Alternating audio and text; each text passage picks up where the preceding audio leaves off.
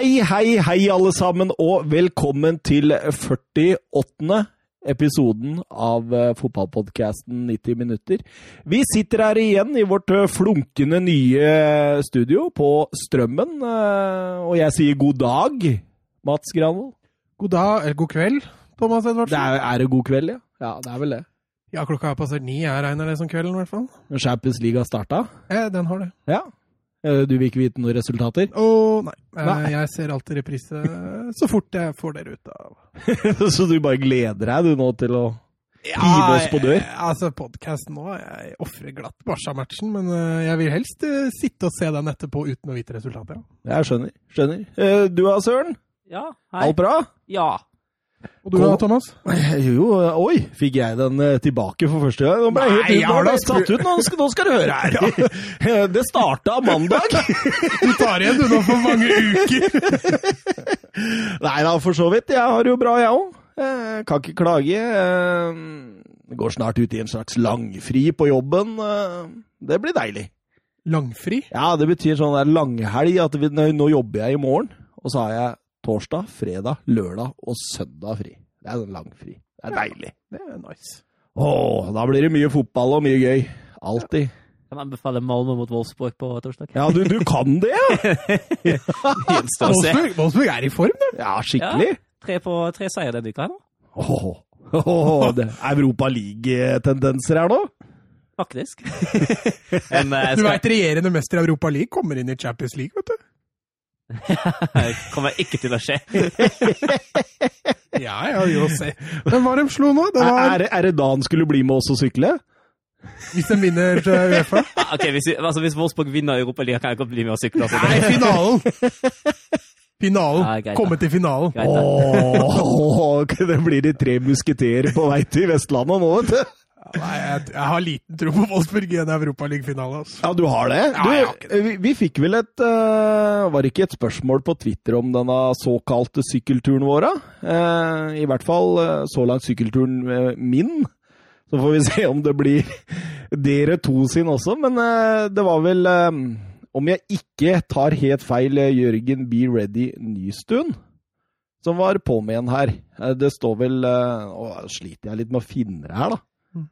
Søren har funnet alt. Ja, jeg, jeg, er rett rundt hjørnet, jeg òg. Eh, Thomas, kan du ikke fortelle litt om denne sykkelturen? Eh, Har du begynt å planlegge rute, kjøpt skinkeputer osv.? Eh, grei ut, som det står på tentamenprøvene fra ungdomsskolen. Grei ut, ja. Husker, husker dere den, eller? Nei, det tror jeg var før min tid. Ja, det var det, ja. ja. Veit du jo Jeg tror Jørgen er yngre enn deg, altså. Ja, det er mulig jeg ikke greia ut, da. Jeg sto Du er over middagshøyden du nå, vet du, Mats. Det er derfor du kommer til å slite på sykkeltur til Nei, du, vet du hva? Eh, Vi, eh, jeg har begynt å se litt på, på eventuelle muligheter, ja. Eh, tenker du blir Moss? Fei, fei, feira? Feira? Ferja? Ferja fra Moss til Horten, og så nedover mot eh, Grimstad. Eh, der eh, er vi jo blitt invitert av eh, Stine Sofies stiftelse til å se det nye store senteret for vold mot ungdom og barn. Mm. Gjøre en greie ut av det, og så blir det oppover mot heia. vet du. Da blir det Evje og den veien over fjellet, eh, og så ned på Sandnes igjen. Så det, det Fem-seks dager, så er vi ferdig. Veldig Ikke, ikke mer, nei? Nei. Nei. Så har vi en følgebil, en bobil som kjører etter, så får vi en god seng å sove i. Ja. Åh, det er Men nydelig. skinkeputer, da? Hadde du kjøpt det? Nei, jeg har ikke det ennå. Jeg har ikke det. Jeg, men det, det er veldig mange som sier til meg da, at det, det må du få deg. Ja, jeg kan jo tenke at det, det ikke er så dumt. Eh, Det er jo enkelte steder man sikkert blir større påkjenning på en sånn sykkeltur, så at skinkeputer kan redusere, redusere en sånn påkjenning, Men, men er det skinkeputer innsydd i sykkelshortsen? Det tror jeg du får. Ja, Jeg tror du får så da er det jo bare å dra en sånn sykkelshorts og så selvfølgelig en joggebukse eller noe sånt noe under, da. For det verste jeg veit, er sånne amatør-Tour de France-utøvere som kler seg ut som men, men jeg tror hvis du kjører joggebukse under sykkelshortsen, mm. da kommer du til å se helt forferdelig ut, faktisk. eh, Sa jeg under? Ja. Ja, den, den, den ble fin. Da tror jeg heller jeg hadde tatt en amatør Tour de France-versjon. Altså. Eh, Nei, eh, vi må vel videre i programmet. Eh, Søren, du har vel noen noe spørsmål du vil stille oss, du? Nei, det er Mats i dag. Er det Mats, ja? Det går, det går, i, det går i sur her i dag. Nei, Jeg tar gjerne rematch mot deg, så hvis du har noen spørsmål, Thomas, nei, Søren, så er det bare å kjøre. Altså. Men jeg har noen spørsmål. Jeg har faktisk til og med en oppvarmingsrunde til dere. En oppvarmingsrunde, er, er det med poeng, eller? Nei, er det, bare det er sånn? oppvarming, Ja, så det er ikke ja. noe poeng. Nei, nei, Deles ikke okay. poeng okay, under ok, oppvarminga. ok, ok. Eh, I disse Champions League-tider så fant jeg en litt artig liste. Det var uh, Jeg har nå en, foran meg en liste med 20 spillere. Det er de som har flest mål i Champions League og serievinnercupen. Det er mye legender på den lista, eh, så jeg tenkte dere skulle få ett tipp hver. Først Thomas, mm. så Søren, så Thomas, så Søren. Eh, Førstemann som enten tar feil, altså du får én bom eller feil, da. Ja. Og så andre da, så er du ute. Mm. Skjønte dere? Ja. Ja. Dere får fem sekunder på å svare før turen går over til neste. ja, ok. Bare for å stresse. Ja, skjønner, skjønner. Hvem vil begynne? Jeg kan starte, jeg. Ja, Søren, du får første. Cristiano Ronaldo. Ja, Lionel Messi. ja, Raúl. ja. Der har dere forresten topp tre. Andrej Sjevtsjenko. Det er riktig. Ruud van Nistelrooy. Det er riktig. Oi, oi, oi. Jeg, jeg, jeg må bli flinkere til å tenke. Ja, men nå går tida di, så du må, du må tenke. Ja, jeg, jeg er jo helt blank, jeg, egentlig. Greit, Søren. Filip Inzaghi. Det er riktig. Det, det står helt uh, frys for meg nå. Legendarisk spisser. Flere er aktive i dag. Ja, ja, ja. Nei, men jeg, jeg, jeg Vet du hva? Jeg eh, Du sier pass. Søren. Karim Benzema. Det er riktig. Klarer du flere? Eh, Andrej Sjevtsjenko. Han er tatt. Han har tatt. Uh, Del Piero. Han er riktig! Da har vi, da har vi tatt ti navn. Det er ti igjen. Eh, Å, nå går tida di, Søren. mm, den gjør nok det. Uh, Michael Ohm. Nei, det er feil. Ja. Navn som ikke ble tatt da hvis vi går tilbake igjen i tid. Alfredo Di Stefano. Uh, Eusebio. Uh, Sa du, ikke, sa du ikke Champions Jeg sa? Champions League Ja, og ja, det. Det serievinnercupen. Ja.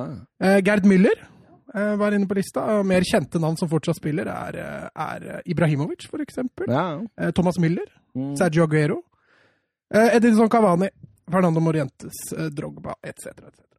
Greit, da var oppvarminga ferdig. Hjernen min er ikke klar for Nei, men det, ting. det var litt for din skyld. ja, for, at- for at jeg skal komme litt jeg, jeg i heier litt på deg nå i dag, Å, du gjør det, ja? fordi premien er en Snickers. Og jeg veit at du ikke spiser det, Ja. så da får jeg den premien. da da får du den og koser deg med på fotballen. Ja, helt riktig. Så uh, han har en liten edge i dag. eh, Så. Eh, greit. Da begynner vi på spørsmål én. Og i dag har jeg vært såpass fair på spørsmåla, Thomas, at er det én klage fra deg nå om noe tysker i Premier League eller noe drit, så er det minuspoeng med en gang. Minus, kort, ja. det er rødt kort. Det er rett på rødt kort. Ja, men da var det karantene. Var det Ja, ok, da blir karantene. Ja, ja. Greit, spørsmål nummer én. Diego Armando Maradona, Diego Pablo Simione, Davor Zucker spilte alle sammen i samme klubb i 92-93-sesongen. Hvilken klubb? Ta navnet en gang til. Ja, de er ganske ukjente navn. Ja. Eh, Diego Maradona, Diego Simione og Davor Zucker. Samme klubb. I 92-93-sesongen. Oi, oi, oi. Eh, Tøff, den her. Ja, den er faktisk det. Det var litt fiffig når jeg fant den. Jeg var litt fornøyd med den. egentlig. uh, Unsue spilte også i den eh, året. Gamle hovedtreneren til Celta Vigo, hjelpetreneren til Ja. Barcelona blant annet. Han var keeper. Jeg, jeg er egentlig ute og sykler der, ja. Så Jeg har det- egentlig en ledetråd men, men da tar dere den med en gang. Uh, derfor så står jeg over. Ja, ja. Nei, men uh... Vil dere ikke tippe heller? Jo, altså, man må jo få tippa, men uh, jeg Jeg er litt blank sjøl, altså. Altså Maradona. Husker dere ikke hvilke klubber han har spilt for? Ja, Napoli, Barcelona Ja, Og der stopper det? Ja. Det, det, var jo no, det er jo noen andre italienske nedi der òg. Det var jo der jeg tenkte. Det er ikke italiensk. Nei, jeg Jeg, jeg, jeg sier Jeg sier, eh, jeg sier Boca Juniors, ja. Feil. Oi. Du er helt der, da. Ja, ja. ja hvem hvem veit, altså. Det. Ja, det er to argentinere der, da, så det var ikke så dårlig tenkt. Men, Nei, men da hvor Zucker tror jeg aldri har spilt fotball Ja, ja, Argentina. Det var der det glapp litt, eh, ja. Eh, nei, du vet hva, dette blir dårlig podkast. Jeg har ikke peil. Det er Sevilla. Ja, ok. Spørsmål nummer to. Her ramser jeg da opp klubbene i kronologisk rekkefølge. Hvem er jeg? River Plate, Real Madrid, Napoli, Juventus Søren Ja. Higuain. Det er riktig, søren! Da blir Jørgen B. Ready Nystuen stolt av deg der. Spørsmål tre. Hvilket resultat har oftest vært spilt i de fire store ligaene så langt i år? Mhm. Det er jo bare rein gjetting, det her, altså. Det blir det. Ikke rein gjetting, da. Du kan vel Altså, du tipper ikke 7-7. Da Nei, blir jeg skuffa over deg. men, eh, Oddsen er litt bedre på noen andre resultater, ja. Nei, søren, eh, jeg har en gang lest at 1-0 er det hyppigste resultatet i fotball, så da går jeg for det. Det er feil. Nei, 2-1. Det er feil. 1-1 er det mest spilte resultatet. Spørsmål fire. Hvilket lag følger man i fotballdokumentarserien Matchday? Matchday? Ja. Fotballdokumentar. Oi da. Jeg har jo en del dokumentarer i det siste. Men i alle dager. Uh, Var det så vanskelige Jeg, jeg spørsmål? syns det var litt harde i dag. Uh, Foreløpig. Søren, jeg tipper på Manchester City. Det er feil. Nei, de hadde jo den der Ja, jeg skjønner hvor du skal hen. Uh, jeg veit jo fortsatt ikke hva Tottenham sin heter ennå, men den er ikke ute Den ute ennå. Og så har du Sunderland til I Die, og så Ja, har du Juventus. Hadde du Juventus inne, og så eh, Har du, har du et tipp? Nei, Newcastle. Nei, det er feil. Det er Barcelona. Oi, såpass, ja. Den anbefales faktisk. Du går inn i garderoben Var det den du sa lå Ja, ja. på rakuten? Helt riktig, du ser, gratis. Burde vel, Eh. kanskje, burde vel kanskje ha tatt med meg den. Der er de i garderoben etter Liverpool-tapet, blant Nå annet. er jeg ikke helt i sånn tenkeform i dag. Jeg er litt sånn borte. Det finnes faktisk en nordmann med offisielle kamper for Barcelona. Hvem? Gjør det det? Det gjør det, altså. Det gjør det. Offisielle kamper for Barcelona. Mm. Men vi snakka jo om nordmenn i Spania for en stund siden. Og det var jo sju nordmenn som hadde spilt i Spania, og fire hadde spilt for Men, hvem, men jeg kunne ikke lese noe Barcelona der? I den lista da? Fulgte kanskje ikke med, da. Oi, oi, oi. Ja, jeg svarer Thomas Jan Berg, jeg, da. Det er feil. Jeg har så null peiling på noen i La Liga. Nå Altså. har jeg gått litt over. Uh, Du har, du har kjørt på Jeg tror her. jeg bare ville passe. Ja. Nei, riktig svar er Caroline Graham Hansen. Selvfølgelig.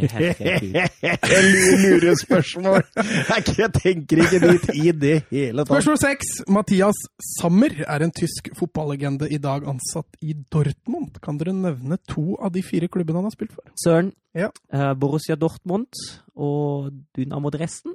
Det er helt riktig, i tillegg til Stuttgart og Inter. Da ble det en S der. Spørsmål sju. Dortmund vant sin hittil eneste Champions League-tittel i 97, hvor de vant 3-1 mot Juventus, en kamp Mathias Sammer annet spilte. Men hvilken kultspiller var det som punkterte kampen med sin 3-1-skåring? Thomas. Ja. Karl-Heinz Riedle. Det er feil. Eh, Lars Rikken. Det er riktig. Jeg har ikke kjangs. Nå, Thomas. Spørsmål åtte. Ryan Giggs er spilleren med klart flest assist i Premier Leagues historien, med 162. Hvis man ser på de 35 spillerne med flest assist i Premier League, er fem stykk fortsatt aktive. Kan dere nevne to av dem? Altså Oi. aktive i Premier League, da. Men, men må vi nevne de som er aktive? Ja, to av de som ligger på topp 35. Oi. Oi, oi, oi. Det er så skikkelig ut å tenke-fokus, da. Altså, de spiller i Premier League i dag, da. Jo, jo, det skjønner jeg jo. Ja. Men det, det, altså, det er jo noen spillere i Premier League i dag, da. Det er det, men så, så skal, du liksom, så skal du begynne på Altså, jeg, jeg tenker jo litt i forhold til Altså, man må jo sitte her virkelig og tenke, da. Nå krangler han, hører du det? Nei, ja, men han Nei, krangler! Hva i alle dager?! Nei, tenk nå, Nå! Det er, det er ikke rart de dere fremstiller meg sånn, vet du. Jeg? Jeg sier bare at det er vanskelig å sitte og tenke. Men har, er det noen som har noen gode forslag? Eh, Assistkonger i Premier League i dag. Ja, men man må jo begynne å tenke gjennom klubbene, da. Ja. Da blir det veldig stille her. Ja, nei, tenk, jeg kan prate, jeg. Ja, kjør på. Ja, ja, ja, nei, altså, det er Nei, det må Oi, nei, ja. åh, Nå holdt jeg på å surre bort. Hæ? Nei, det gikk fint. Eh, oi, oi, oi. Det må jo være noen eldre Ja, det må være noen eldre som gjerne har spilt en del i Premier League en stund, tenker Det er nok riktig resonnert der, Ja. altså. Vi snakker ikke om 20-åringer her. Å, herregud. Dere skal ha to av de fem, altså. Ikke alle fem. Nei, nei, jeg skjønner jo det. Jeg skjønner jo det. Og dere får én bom. Greit, det. Får én bom òg, ja. Dere kan bomme. Men det, det, det, det, det er så vanskelig, for hjernen min fungerer ikke i dag. Nei, jeg merker det. Karoline Graham Hansen, det var tøft, den. Ja, Og så sier jeg det at jeg har jo nettopp lest at det er ingen spillere som har spilt i Barcelona. ikke sant? Jeg vil ikke si noe mer heller. Nei, nå må jeg få et svar fra en av dere hvis dere vil ha det poenget, eller så går jeg videre. Ja, ta Thomas, da. Mm. Jeg må jo bare prøve, så da Da prøver vi med Kevin De Brøne. Der har du én riktig. Eh, Men jeg, jeg sitter så utrolig fast på den andre, egentlig, altså. Han Eh. ligger, han ligger nest øverst av de, eh, av de fem. Kevin, ja. Mm. Ja. Det er faktisk en som er aktiv i Premier League i dag, som har flere assist enn han. Det er det, ja. Eh, da kan det for eksempel jeg, jeg, Vet du hva, jeg finner ingen, jeg. Jeg er helt, jeg er helt blank i dag. Jeg er helt fullstendig blank. Greit, du får to sekunder til et svar. Det er det som er greia, ikke sant, med så Ja. stort spørsmål. Ja, nei, men Søren. gjør sånn, du, Søren. Prøv da, Søren. Jeg må jo si til Brune, da. Så prøver jeg på David Silva. Det er helt riktig, Søren Dupker. Det er han som har flest. I tillegg så har Leighton Bates, Mesut Özil og James Milner inne på den lista der. Spørsmål ni. James Milner er i ferd med å bli en ekte Premier League-legende og på god vei mot sin tredje Premier League-tittel, den første med Liverpool. Kan dere nevne to andre klubber han har spilt for? Ja, Thomas. Mm. City og Aston Villa. Det er helt riktig. Da fikk du et poeng, da, Thomas. Det var ålreit. Ja. I tillegg så har han også spilt for Newcastle og Leeds. ja. Og Swindon, da, faktisk. Mm. Spørsmål 10. Siden VM i 98 har tre forskjellige spillere blitt utvist i en VM-finale. Kan dere nevne én? Søren, Zinedine Zidane. Ja, det er helt riktig. Nei, helt konge, Søren. Da vant du den greit 3-1 der, Var det altså. ikke fire igjen, han? Jo, det ble fire. Den siste Ja, ja. telte ikke med den. Men 4-1 da til Søren Dupker der, altså. Var det litt vanskelig nå, eller? Nei, men altså, det er altfor vanskelig for hodet mitt, eh, de sånn jeg, jeg takler ikke i dag, kjenner jeg. Jeg syns det var en vanskelig, vanskelig start. Det gikk uh, greiere etter hvert. Ja, nei, jeg følte, altså, jeg følte jo at det var en ålreit quiz, da, men det er mulig jeg skøyt litt. jeg, jeg, jeg, jeg veit ikke hva jeg dreier med, men jeg, jeg følte liksom at, eh, at det var så mye tenking, og så føler jeg et press på å si noe, siden dette er en podkast. Og så blir du bare sittende og prate og prate, og så, sittet- så tenker du ikke mens du prater. Og Og så du... går du helt i surr. Sitte sitter hjemme i stua, så hadde du tatt den mye lettere når du sitter og leser. Ja, det, det tror jeg nok. Så- Og så hvis man liksom på en måte føler på at man kan gi det fem-ti sekunder tystnad, da. Mm. Ikke sant? Men nå Det går så ikke i en podkast. Kanskje burde du tatt spørsmål litt mer sånn at det blir sånne snap eh, Ja, men, det- men det, det er jo de vi liksom på en måte ofte klarer òg, ser du. Og de som man sitter og tenker på, de sitter man og spinner på. Så, så trekker du fram Hvis du skal ha to, eksempel eh, navn, da, Mm. så sier du den ene, og så gir du jo gratispoenget for han andre sitter og tenker, ikke sant? Så det er eh, Ja, det er en ulempe å være først ute innimellom. Ja, det er jo det, ikke sant? Så Ja, man eh, sliter litt med den. Jeg sliter litt med den for Nei, men fader, da fikk eh, Søren den snickersen, da. Det var litt uh... Ja. Ja, det er greit, det er greit. Vi tar den. Uh, nei, skal vi bare kjøre på? ja, kjør musikk. Ja.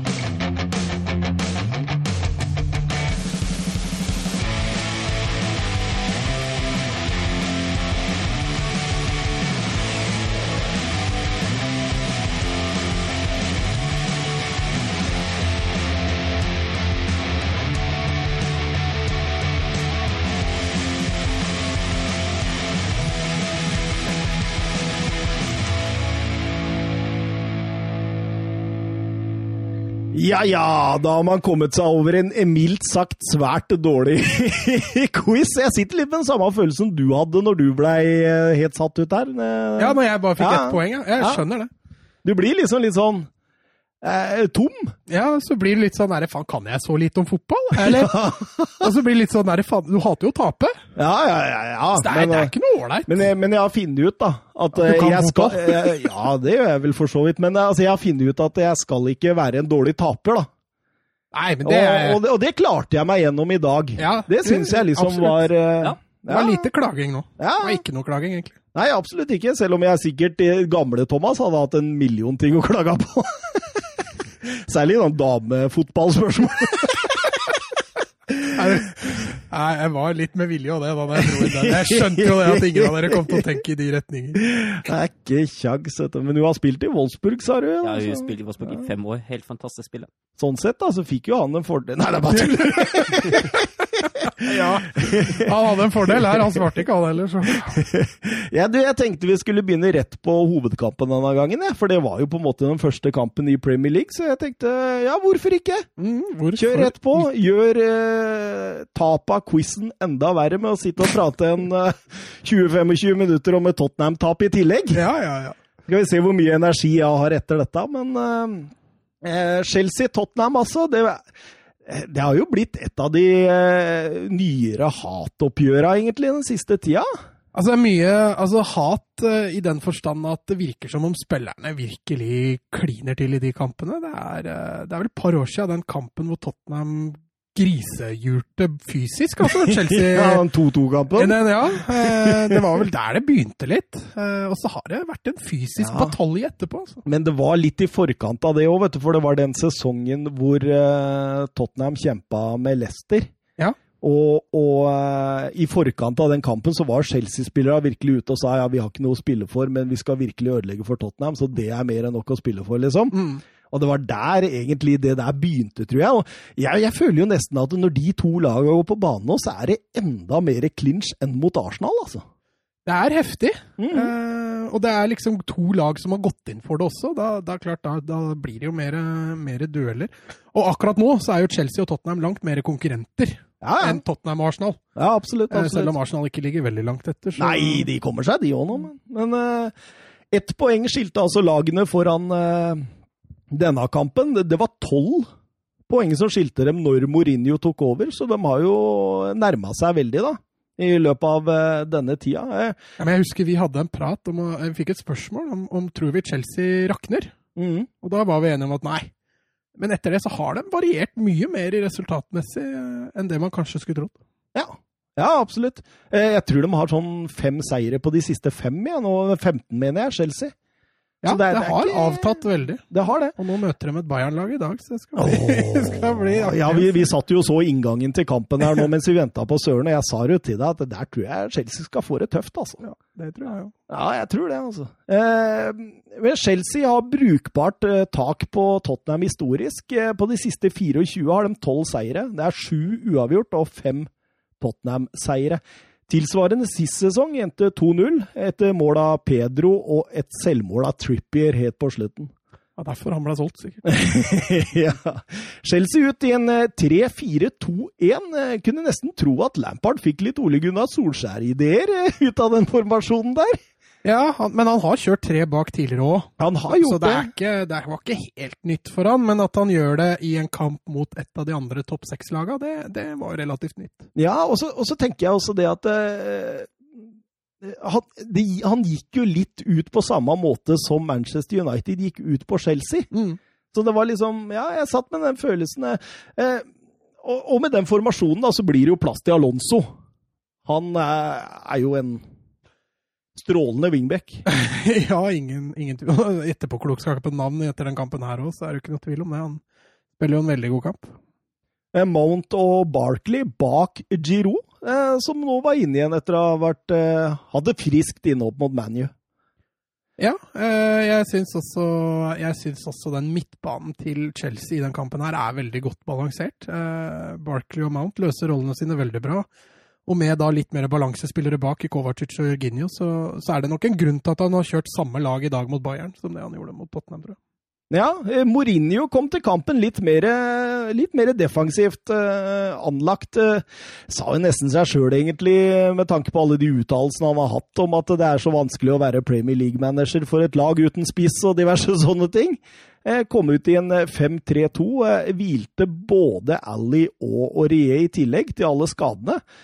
Svært skeptisk ble jeg når jeg så laget. altså. Det var positivt å se Lo Celso og en Dombele på samme Men Ally, den, den skjønner jeg rett og slett ikke. Nei, ikke jeg. Eh, har Tottenham kamp nå i midtuka? Nei, de har ikke det. Nei, nei. Og jeg, jeg skjønner ikke helt uh, Aurier heller. Jeg tror han hadde kunnet uh, Jo, men Aurier, den, den, der, der, ser jeg for, der ser jeg fordelen med å ha en, ha en mer defensiv trygghet i uh, På grunn av Alonso? ja, Ikke bare av Alonso, nei. eh, Men, men Sorge Serge Aurier defensivt, er jo, der er du enig i at det er, kan jo være en vandrende katastrofe. Det, det kan være. Ja. ja. Eh, Sånn at eh, den, den kjøper jeg i litt større grad, men Deli Alli, der, der ser jeg nesten ingen, eh, ingen grunn altså, til å vrake Alli i den Og han er en god kontringsspiller òg, så det er Ja, han er jo en signalspiller offensivt for Tottenham. og Du mangler en spiss, og så tar du i tillegg bort din beste offensive midtbanespiller. Det er, det er vanskelig for å forsvare den. Altså. Og det var ekstremt rart å sitte og se Tottenham-lag uten Kane, Son, Ally og Eriksen på Ja. laget. Altså, ingen Når sist av dem skjedde var det? Nei, det, det, det må Jeg jo ha trodde du vært hadde det nå, jeg, siden du Nei sa da, nei da, men eh, det, det må jo ha vært uh, i, da Ally ble kjøpt, holdt jeg på å si. Da. Rett, før, rett før det. For det, det var merkelig, altså. Mm. Uh, men eh, ja, eh, første omgang. eh, Chelsea begynner jo med ekstremt mye ball. Eh, Tottenham eh, legger seg lavt på å vente på overganger. Eh, Chelsea står høyt, og til tider er de jo nesten i en 3-2-2-3-formasjon. Altså Wingbekkene tvinger de offensive bekkene til Spurs så dypt at de sliter rett og slett å komme seg ut og, og ta overganger i det hele tatt, syns jeg.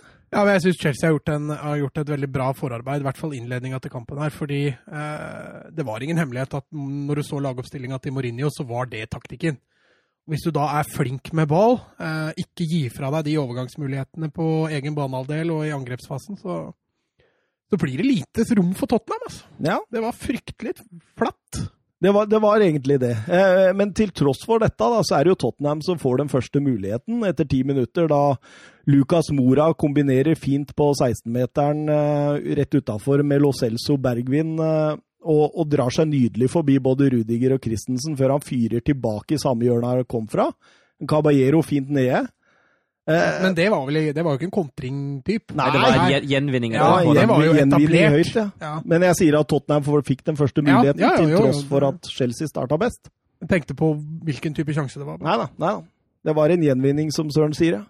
Eh, men eh, minuttet senere så svarer jo Mount. Eh, nydelig ball fra Alonso i bakrom. Eh, Mount er på løp i dypet mellom Toby og Sanchez og fyrer av i nærmeste. Men Joris gjør faktisk en veldig god redning der.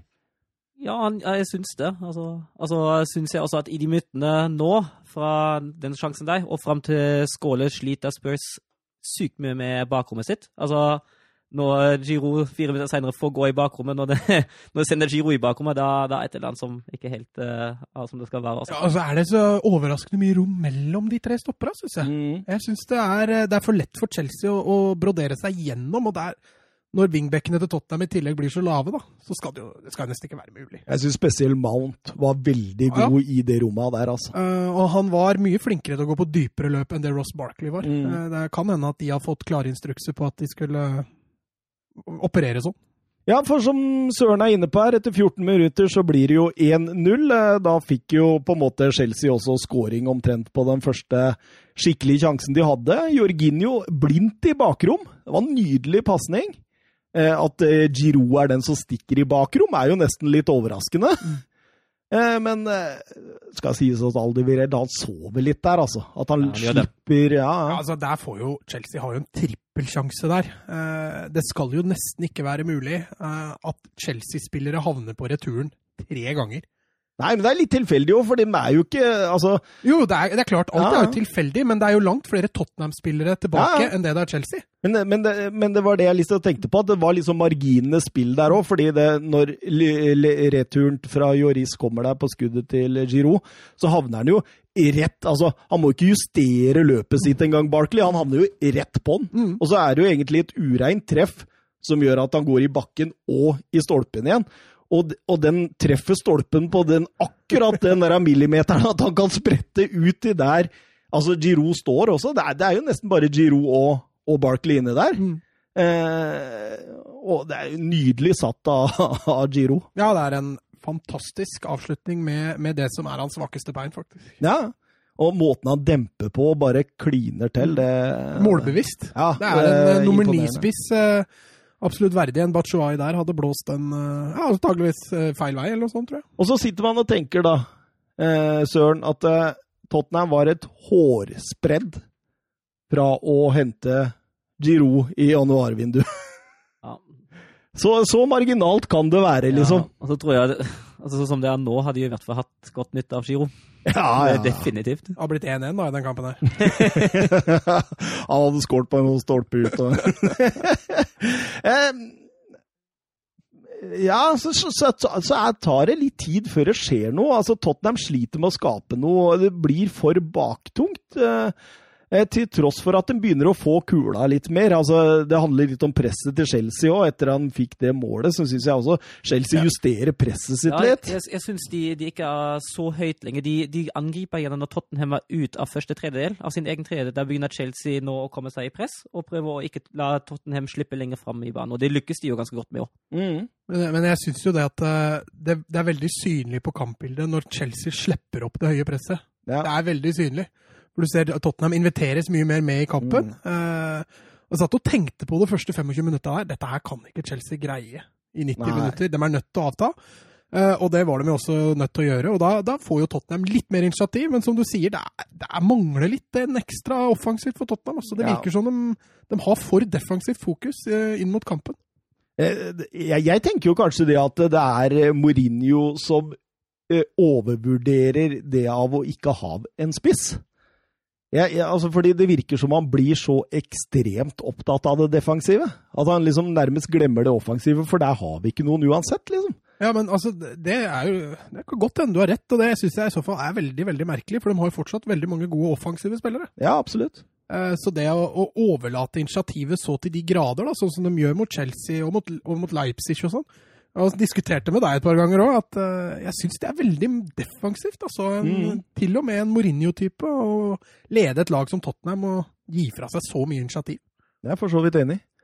Eh, Men etter 33 minutter, da har Chelsea hatt et par sånne halvfarlige skudd. Eh, Alonso hadde vel en rett over, og Reece James en rett utafor. Så, så er det en Mora-sjanse igjen. En nydelig ett- og to-touch-spill av Tottenham. Både Wings, Bergwin, Ndombele alle med på det. Bergwin eh, flikker med hælen gjennom til Mora. Som kommer litt skrått på, øh, og skyter bra skudd, men Aspilicuelta blokker nydelig til corner. Ja, og Aspelikueita kom litt ut av ingenting der. Ja, Jeg det. trodde det kom til å bli en rein avslutning, faktisk, for han får veldig god tid av Lucas Mora, men eh, rett og slett Wanbisaka-klasse over den Mm. blokkeringa til Aspilicueta.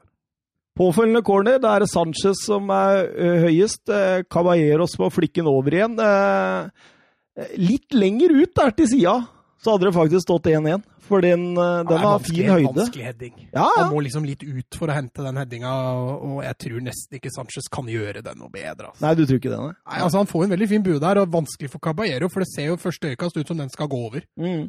Eh, Men han dupper veldig fort. altså, så Ja. God vurdering av Caballero der òg. Og til 35 minutter, Søren, da kommer jo Tangangas lekre touch. Hva skal man si? Fin, eller nydelig slått av uh, Oliver helt, da. Det, Ja, det er- den må er fin slått. det var en Nydelig pasning. Og så er jo Jeg syns Caballero er ute og sykler litt der, altså. Det, Litt! Altså, litt. altså, jeg, jeg er helt enig. Den pasningen til Aldevirell, Ja. det er så hyll-hyll. Ja, den Altså- er nydelig. Tanganga kan løpe der, rett fram, og får ballen rett i beina. Og det er en pasning altså på 50 meter. Ja. Som Og så, som, land- som slås også i litt sånn skrått. Ja, Så det ja, er jo det er en perfekt, et veldig godt tima løp. En fantastisk pasning, og som du sier, en Caballero som feilberegner fullstendig. Og har jo griseflaks at eh, Tanganga tok på seg trebeina og treskoa der når han skulle Jeg trodde nesten han kommer til, altså, at det kommer til å bli det perfekte touch. Ja. Hadde det vært litt mykere, så hadde det blitt nydelig. Men uh, litt for hardt ble det. Men omgangen ebber ut med 1-0. En omgang Chelsea har vært uh, klart best. Uh, hadde initiativ, og Spurs var veldig forsiktig. Til tross for det så er det faktisk ganske likt i sjansestatistikken. Eh, vanskelig å spille sånn Tottenham prøver uten et oppspillspunkt, tenker jeg. Ja, det mangler en klar offensiv strategi, virker det som. Det er eh, gjenvinning av ball, og så kjøre kontra. That's it. Eh, alt annet virker det som er nesten litt sånn på måfå. Ja. Eh, at spillere Altså Når du veit du trener et lag som Tottenham med så gode offensive spillere, så kan du spille litt på må for de er så bra. Ja. Eh, men, men når du da møter en motstander som Chelsea, så må du jo ha en litt klarere offensiv plan. Eh, jeg er veldig spent på hva Mourinho tenkte i pausen der. Hva gjør vi nå? For det så jo ut som de gikk ut i andre omgang der, at Tottenham gikk jo ut akkurat samme som når de avslutta første gang. Og hvis du snakker med majoriteten av Tottenham-supportere for tida, så ville de sagt uh, der burde Troy Parrott av City, og så kaster vi inn på han. Det er, det er var han skadefri nå? Eh, ja, han skal være det. Altså, jeg ser eh, enorme eh, det, er, det, er, nesten et folkerop om å, å, å, få med Troy Parrott i neste kamp nå. Jeg, jeg veit ikke om han tør å ikke gjøre det nå. Altså, jeg ser jo jeg ser jo argumentet med at de to siste kampene nå Tottenham har spilt, så har de møtt Leipzig i Champions League, og så har du møtt Chelsea på bortebane. Det er grei motstand. Det er helt grei motstand, å kaste da innpå en, en 18 nå, ja. er, det er en tøff avgjørelse å ta. og så Sånn sett så kjøper jeg jo det argumentet, men å ikke ha han på benken engang, hvis han er skadefri, mm. den også sliter jeg med å, med å se. Altså. Da har du et alternativ. Da har du et alternativ, og om man da som, altså Tottenham lå jo under 2-0, jeg har ikke kommet dit ennå, men og da kaste inn på en unggutt, altså, hva ja. spiller det noen rolle?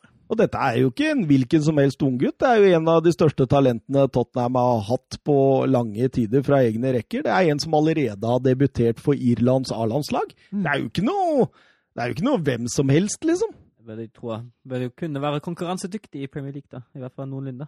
Ja, altså, og i hvert fall gi den litt tid, da. Så, så kanskje kjøper hun litt rutine og litt Erfaring. Ja, ja. Eh, men når annenomgangen settes i gang, så om Chelsea fikk 1-0 ganske gunstig, så fikk de jo 2-0 enda gunstigere. For det er omtrent noe av det første som skjer i eh, andre omgang. Ja, herlig angrep. Ja, ja absolutt. Ballopprulling, er det det vi kan kalle det? Du kan si det sånn, men igjen så er det Toby defensivt der, altså som taper den duellen med Giroud. Eh, er langt ute på sida som gjør at det, det blir en sånn skeivhet i, i, hele rekka. Um, og som du sier, da, en håndballopprulling. Uh, Hedder videre til Mount, som er på løp. Skjærer inn, spiller Barkley, som dytter den videre til Alonso, som klinker den i mål. Uh, typisk Alonso-mål, og Tottenhams store nemesis. Han har vel 17 mål i eh, Chelsea-trøya. Tre av dem er mot Tottenham, og det er alltid sånne viktige mål. Mm. Så en stor nemesis der, altså 2-0 til Chelsea, og så kommer jo den eh, situasjonen. det har blitt eh, diskutert opp og ned i mente overalt. Jeg tenker på Aspilicuelta og Lo Celso. Ja, eh, det har vel ikke vært så mye diskusjoner, har det det? Jeg har ikke, ja, det, jeg har ikke lest noen jeg, som har forsvart Lo Celso, i hvert fall. Nei, det, jo, det, var en del som, som forsvarte det også, med å si han, sier han ser den ikke. Eh, han kan ikke sette beinet sitt noe annet sted. Eh, sånne ting. Så det er folk som har forsvart den. Altså, Jeg føler jo at den ikke om en scene eller ikke, det har jo det har egentlig ingenting å si i den situasjonen. For det er en såpass stykk stempling at det da burde vært rødt kort. Og da er vi jo da igjen, da som vi Altså, for det første er jo helt uforståelig at VAR ikke snapper det opp og mener at det ikke er et rødt kort. Men uh, i ytterste konsekvens, og da igjen der vi, som vi har snakka om flere ganger her, hvorfor går ikke dommeren ut og ser på skjermen? Og jeg tror Hvis han ser på skjermen der sjøl, da utviser han ham. Men Vikestad nevnte jo dette her, at de har fått instruks om at med rødt kort så skal dommeren ut og se på, se ja, på skjermen. For det har jo skjedd et det par ganger. Det har skjedd et par ganger, Og så plutselig nå har de da gått vekk ifra det igjen. Uh, jeg jeg syns det er merkelig. og Argumentet med at ja, han gjør det ikke med vilje, altså det, det holder jo selvfølgelig ikke mål. fordi altså, du kan jo ha stygge taklinger som ikke er ment vondt. Nei, og fortsatt er rødt kort. Men det er jo ikke en takling, ikke sant? Det er jo mer en Ja, det er en stempling. Ja, fordi det er jo på en ja. måte ja. Det hjelper jo ikke om det er med vilje eller ikke. Nei da, nei da for så vidt ikke. Men uh, det, det, står fra Vebjørn Fredheim på Twitter her, gutta. Eh, tanke på hvorfor Lo Celso ikke fikk rødt kort. At han går av den kampen med kun gult kort, er nesten humoristisk. Skulle vel hatt ett rødt og to gule. Ja, jeg, kan jeg si noe annet enn å være enig? Um, altså Det røde der tror jeg vi er enige om. Han burde ha hatt det. Uh, altså burde, Jeg er helt enig. Det ene gule i første omgang der, det også burde han ha hatt. Så, ja. Men, men jeg, jeg, tenker jo det at eh, for, for, å prøve å forstå det, da, så ser du fra TV-bildene, og, og, sikkert noen av de bildene var brukte, så ser du jo at uh, Nå sitter jeg her og gestikulerer og sånt, det Men uh, det ser ut da, veldig som at Lo Celso ikke ser eh, Aspilicuelta i det hele tatt. Mm. Og jeg, jeg tenker, altså, Det ser mer ut som at det er en naturlig bevegelse hvor han setter ned beinet. Det er først på det andre bildet, det som kommer litt seinere, du ser at, eh, at, den ikke er fin. Så det, det spørs åssen bilder VAR har sett, tenker jeg. Ja, men VAR har vel sett alle bilder.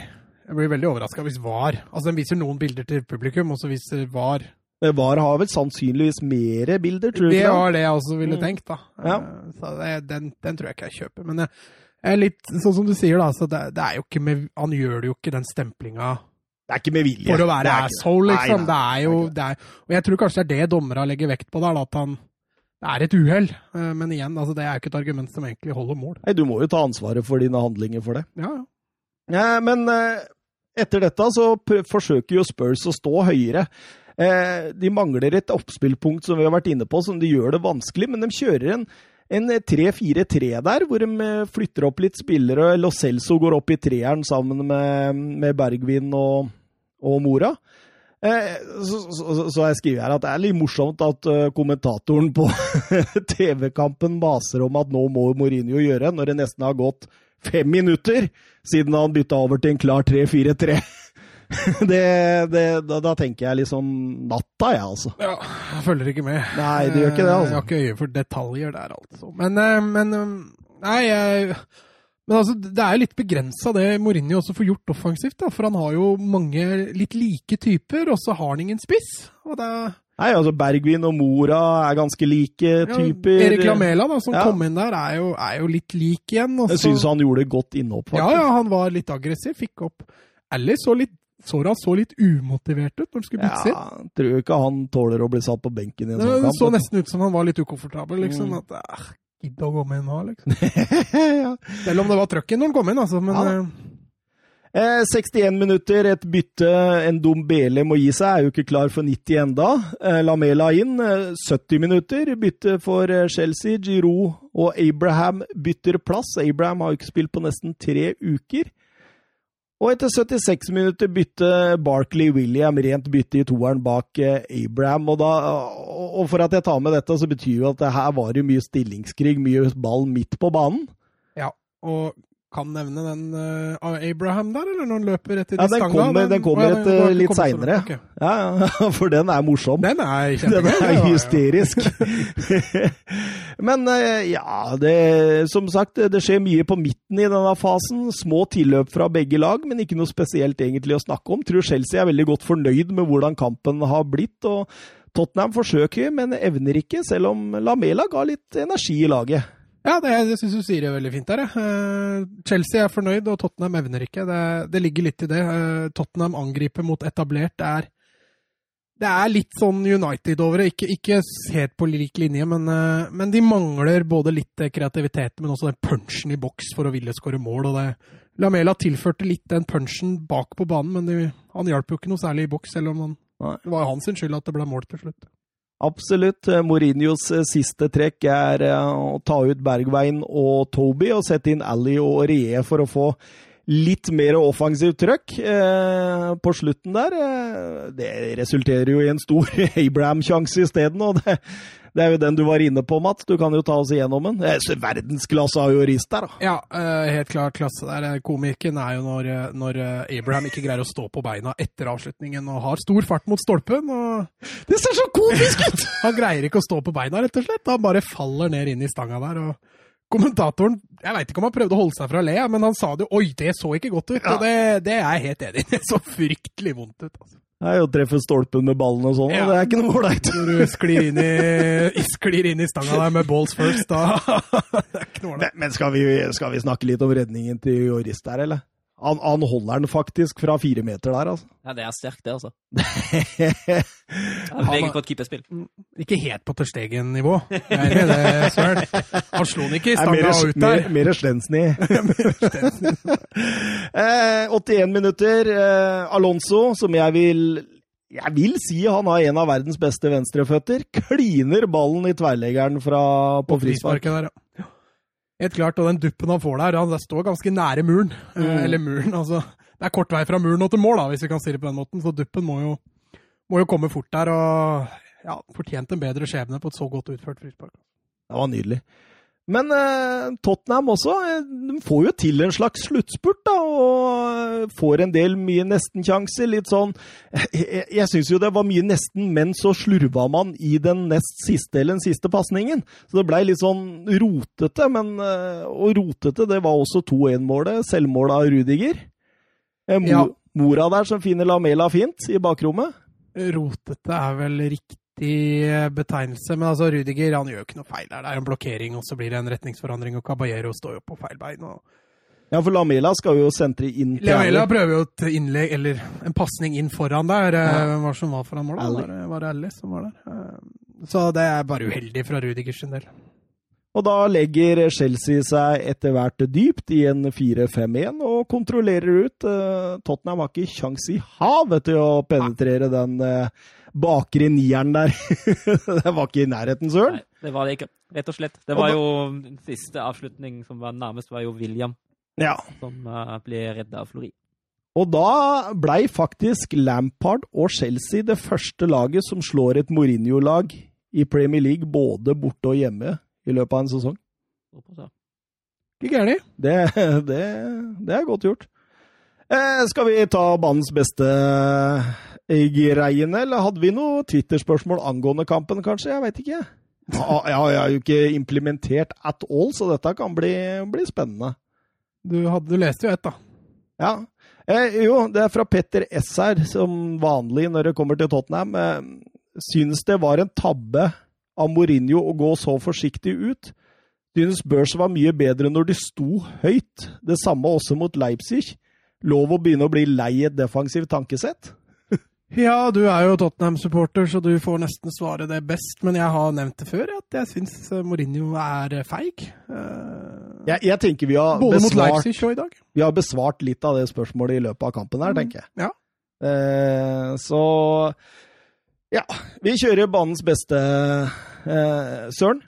Ja. eh, det var mye å ta fra Chelsea, ikke så mye å ta fra Tottenham, har, syns jeg. Eh, jeg endte opp da med uh, tre til Mason Mount, som jeg syns gjør en strålende kamp. Han uh, gjennomfører veldig bra. Han uh, er pådriveren bak mye som Chelsea skaper, og er flink til å penetrere linjene. Jeg har gitt to til Alonso, som er meget målfarlig, god venstrebein, har én scoring og to ganger veldig nær. Og så gjør han også ellers en god kamp, syns jeg. Og så gir jeg én til Giro, som jeg syns har en eh, god presens der oppe. Er flink til å fungere som oppspillspunkt. Uh, viser målfarlighet og ja, vellykket uh, comeback i startelveren. Ja, Mats. Ja, jeg har Kovacic på tre. Uh, syns han gjør nok en Er det andre gang på rad nå? Ja, stemmer det. Jeg syns han, er, synes han gjør en fantastisk kamp på, på midtbanen. Eh, Er veldig drivende. Så, så sto jeg og vingla litt mellom både James og Alonso. Jeg landa jo på Alonso. Han skåra jo et fantastisk mål og har nok en veldig bra kamp som wingback. Eh, Så havna James på ett poeng. Ja. Ingen Mason Mount. Ingen Mason Mount. Nei, men da, da kan man jo nesten uh, si at jeg er litt enig med dere begge, da, for jeg har Mason Mount på trepoengeren. Uh, jeg syns jo han var den som skilte seg ut offensivt uh, for Chelsea, ja, da, for han var flinkest til å komme på løpet, han var flinkest til å skape ubalanse. Han ja, gir så mye energi til det laget, og, og jeg tror nesten det er Mason Mount som var grunnen til at Barkley faktisk var OK. For det er lette arbeidsforhold for Barkley når han har en Mount ved siden av seg som rett og slett er litt for mye å håndtere for eh, Tottenham-forsvaret når han eh, kommer på disse lepa sine. Jeg har Kovacic på to poeng, så derved også litt enig med deg. Syns han også styrer mye av det, og er mye av grunnen til at, eh, at Tottenham rett og slett ikke får i gang sitt offensive spill. da. Um, syns også han er veldig god med ball, han dekker store rom. Han, jeg sy syns rett og slett at dette har vært en sånn skikkelig gjennombruddssesong for uh, Kovacic. Og så gir jeg ett poeng til Jorginho, jeg, da. Um, smerter meg ikke å ha noen Tottenham-spiller. jeg- Ja, men jeg også leita litt etter Tottenham. Ja, fordi, fordi altså, kampen er jo for så vidt jevnere enn å ha tre Chelsea-spillere, tenker jeg. Men så, samtidig så jeg, jeg kunne ikke finne noen. Jeg vurderte, jeg vurderte faktisk Lamela, men han var den eneste jeg vurderte. Ja, ikke sant? Da han spilte i 30 Ja, det er minutter, ja, liksom. Eh, hvis jeg det skulle mangla jo den sjefen og lederen som skulle stå fram i den matchen. Og det fant ingen. Nei, altså, nærmest jeg hadde kommet, er Joris. Men det handler om eh, redningen i første omgang der. Den verdensklasseredningen på Tamy Abraham sin. Eh, han, han kan jo ikke gjøre noe med måla. Eh, så syns han var bra. Men eh, når keeperen er den eneste du liksom vurderer, så er det bare å la være, tenker jeg.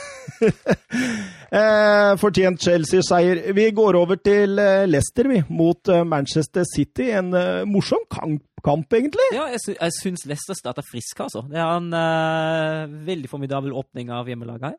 Mm. Syns jeg. De som skaper, sjansene til å, til å begynne med. Ja, og Rogers hadde lagt seg en 5-3-2 der. Ja.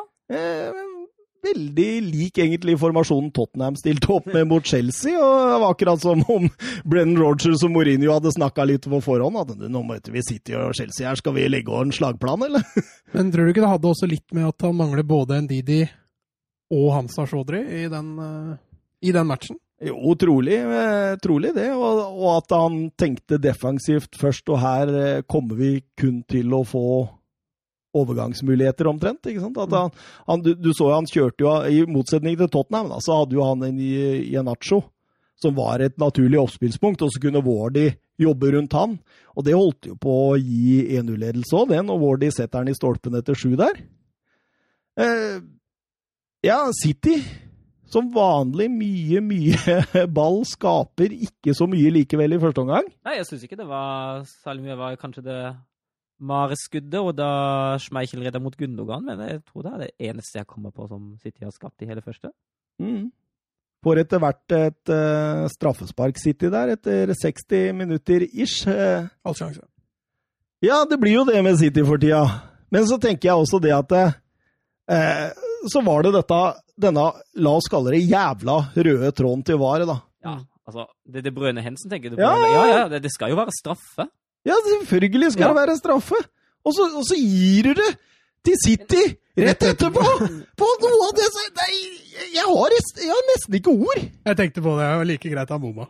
Ja, det, det er det, altså. Aguero, han, han treffer jo ikke på én straffeomdrein. Nei, Schmeichel kan vi hylle i den matchen. Ja, Fy han hadde en fantastisk kamp. Herregud. Ja, jeg er glad jeg nevnte den når vi drev og snakka om uh, topp. Jeg, jeg, jeg tenkte på det, skjønner du, underveis, for Dubravka òg, som jeg hadde, hadde en strålende kamp for Newcastle. Så jeg bare tenkte at de to jeg liksom dro fram som mine liksom wildcards, da. De hadde en strålende, og Schmeichel også. Enig, altså. Eh, ja, ja. Aguero. Han gjør jo som det Aguero kan best. Han bommer på straffe, og, og det City kan best av alle. Bommer på straffe. Eh, Schmeichel redder egentlig greit. Og tror dere Guardiola gjør eh, Ederson til straffetaker nå? Han må jo finne, han må finne hverandre. Jeg, da. jeg har sett noen på Twitter be om det nå. Jeg har sett en tweet da noen sier for, for guds skyld, ta Ederson som straffetaker nå. Men eh, jeg tror jeg, jeg, jeg, Guardiola sjøl nevnte nå De Brøne som et alternativ. Ja. Men, eh, ja. Ja, jeg, jeg har jo lurt på hvorfor ikke De Brøne har tatt det før. Eh, når eh, vært- Stirling og gjengen har bomma på tur. Han var rimelig trygt i han tok i Wolfsburg, i hvert fall. Mm. Ja, Ja, jeg tror det har litt med hvem som vil ta òg, tror du ikke det? jo, det har jo Som det. trener så er det jo Ja, Det brødet virker jo litt sånn introvert, Ja. og det er jo veldig ofte de gutta som liksom på en måte står litt fram, som tar eh, straffesparka. Eh, Guardiola har jo sagt om Edersen at han, han er en type som er en iskald type, da, og så har han det beste tilslaget i hele Manchester City, sier han. så hvorfor ikke prøve? Det har vært veldig moro. Da er det bare å huke den inn på fantasy. Ja. Ja, det er jeg helt enig i. Eh, Men eh, City har jo flere strenger å spille på, da, og Jesus han eh, kommer inn. Tar vel tre minutter før han setter målet. Eh, Søren kalte han vel Premier Leagues mest ineffektive spiss her nå- i forrige. Ja, ja, det var Jeg hadde jo, hadde jo en for noen, for noen uker siden da jeg sammenligna expected goalsen til Aguero og Jesus. Eh, I den kampen her kom Jesus nok et godt stykke nærmere Aguero enn en det var før. ja, for han trengte ikke mange muligheter da, før han sa det er nydelig forarbeid av Mares. da. Ja, det er det. Absolutt. Ja. Mares som var tilbake på King Power. Og så har Jesus det som han etter min mening ikke har vært den sesongen, eller alltid den sesongen her, nemlig iskald. Så ja. Mm. Og det var nok det til at City tok tre poeng. Ja, og så syns jeg det etter hvert blei fortjent, selv om Leicester, som dere sa i første gang, yppa veldig, altså. Eh, City, eh, City fortjente den seieren. Og nå har Kasper Schmeichel tatt ett straffespark mer i Premier League enn sin far. Rogers har aldri vunnet mot Pep. Nei. Det er kun uh, Mourinho han har flere kamper uh, mot uten å ha vunnet. Uh, Manchester United-Watford, da. Vi må innom dette greiene her. Åh. Du liker ikke det? Nei, men nå Altså, altså det var stillingskrig fram til straffesparket, men etter det så overbeviser jo dem faktisk. Ja, og Bruno Fernandes, det er en spiller de har mangla. Altså. Ja, men det har vi jo sagt lenge. At det ja, ja, ja. kommer til å Det, det er en akilleshæl. Men, men han, jeg syns jo han viser også at det er en veldig god fotballspiller bak eh, alle disse pundsedlene som fløy veien ned til Portugal og sporting. Ja, altså, syns han er god, altså. Kan man, jeg er helt enig. Lure litt på dette United-laget hvis de hadde hatt en Pogba i form og en Rashford og en McTominay. Altså, de, de har vært skadeplaga. Uh, men det, igjen, altså, en Bruno Fernandes der, og så kanskje få inn en Rashford ved siden av, det, det kan bli veldig bra. Men Martial irriterer meg. Mm. Irriterende spiller. Ja, De siste kampene han ser så uinteressert ut, og jeg syns han gjør mye dårlige løp òg. Plutselig er han ute på kanten og surrer. og Skal liksom være en nier, da. men mot Chelsea så dukker han opp, skårer et mål. Mot Klubb Brygge redder han et 1-1. Og den, den goalen han er der med hvert Mm. Det er, det er jo fotballgodteri. Ja, det er fotballgodteri. Men uh, Fernandez han uh, setter jo 1-0 i første omgang, og er jo noe av det som er med på å bidra til at uh, United vipper kampen i sin retning. Var det straffe? ja, var ikke det? Han er jo på vei ned. Ja. Du ser jo det. Han har jo allerede begynt å gå. Jeg, skjønner, skjønner tanken din. Men, men, jeg syns det er helt greit å blåse det der, altså. Det er, det er klar kontakt. Og, vi har jo vært inne på sånne situasjoner før ja. Sånn. Ja, ja. Det er, det, er, det er, litt sånn du sitter med bismak når du ser det. Ja, du snakka vel om Stirling, ja. spurte om Stirling skulle få gult kort. Mot, mot Tottenham, Tottenham, den gangen. Og det er nesten identisk. Den er ganske lik. Bortsett fra at det er litt ja. annerledes innenfor 16 på en annen sted. Mm. Eh, men når eh, Martial som sagt setter 2-0 der i eh, andre omgang, så slokker jo lyset for Watford fullstendig. Og, og dette er et Watford-lag som fikk en enorm boost når Nigel Pearson tok over, eh, men nå har de ikke vunnet siden 12. januar igjen. Så det, det, dette var jo et lag United altså, når, når jeg tok den der lille oppsummeringa mi med at de skulle få så og så mange poeng de neste seks matchene, så så var jo faktisk Watford et litt bedre lag. Jeg hadde mange poeng ga du? Var det ett poeng i den kampen her til United? Eh, ja, jeg gjorde kanskje det. Men, men, men, det så jo lenge ut som det kunne bli ett poeng òg, før, eh, før, de tok over fullstendig annen omgang der òg. Mason Greenwood Han er nydelig. Han er nydelig, ja. altså jeg har sagt før, få han rettvendt rundt boks her. Ja, den avslutningsevnen de har, det er jo helt Han skyter på seg krampe der, gjør ja, han gjør det. Men den sitter jo så det synger etter. En nydelig eh, Hvor langt kan dette gå, Mason Green? Ja, jeg tror det kan gå helt til toppen, jeg. Mm. Jeg mener fortsatt Jeg sitter og tenker på det, i hvert fall de to-tre siste kampene, at jeg skjønner ikke hvorfor han ikke kan kjøre Greenwood som spiss istedenfor Martial. Ja. Jeg syns han ser mye hvassere ut. Mm. Det er, feil, det, er feil, tidspunkt å si det på, da, for Martial har skåra tre kamper på rad. men... Eh, og nå er jo alle der igjen, at eh, United hylles igjen. og Vi er, vi er oppe der igjen, så nå, nå, går de vel på et par smeller, regner jeg med. fremover. Ja, Nå er det Klubb Brygge på Old Trafford eh, på torsdag, da. Det går rett vest allerede, det, da. Tror du det går Nei, nei, jeg gjør ikke det. Jeg gjør ikke det. Eh, og så er det Everton borte, er det? Ja, det er vel Og så er det City og Tottenham. Ja. Det er jo ikke, jeg tror ikke det er så mange poeng de plukker, men de har jo en fryktelig god statistikk mot de andre topp seks-lagene. Han er god der, han Solskjær. Han skal ha det. Eh, Arsenal Everton. Eh, en ekstremt morsom kamp. Ja. Det starter jo, starter jo veldig fort i begge omganger. Eh, veldig morsomt. Veldig morsomt å se. Og jeg syns tempoen holder seg også godt utover i egentlig hele kampen. Ja. Jeg syns det, det, er en, eh, som du sier, veldig underholdende fotballkamp. Der begge lag bidrar med offensive aksjoner og sjanser. Og, ja. ja. for Everton holdt ikke så veldig mye tilbake for det Arsenal gjorde. Nei, nei, og det 1-0-målet til Calvert Lewin der, da akrobatisk. Å, det er så nydelig. Altså, vet du hva? Jeg har, jeg har gått fra å synes Calvert Lewin er en helt ålreit fotballspiller, til å nesten digge den. Jeg syns han har så tilstedeværelse. Er det litt med den klesstilen han viser fram på Instagram? den har jeg ikke sett, så det kan ikke være noe med det. Han og var han andre? Tom, Tom Davies? Ja, ja Tom Davies er fin, vet du. Men jeg syns han er så bra, jeg. Jeg syns han er eh, Altså, nå har han begynt å skåre mål. Han begynt å skåre mål, så han ja. blir bare mer og mer komplett. Ja, det er helt uh, nydelig. Jeg syns han har tatt enorme steg under Angelotti. Um, men uh, Nketia han skårer jo sitt først for Arsenal, da, og det blir jo 1-1 der før uh, Aubameyang snur det i løpet av seks minutter. Ja, Fine, fine skåringer, absolutt. ja, ja. Og er Aubameyang sitt der, er det Tiarari, eller? Tiarari, Søren? Veit du hvem Thierry Det er? Thierry Oria. Ja, ja, ja. Ja, så du kjente ikke igjen hva Nei, jeg skjønte ikke hva du sa. Sorry. Thomas har slitt litt med den franske aksenten sin, skjønner Ja. du. Nei, ja, ja, ja, ja det minner litt om det, i hvert fall. Skjønte du ikke det? Nei!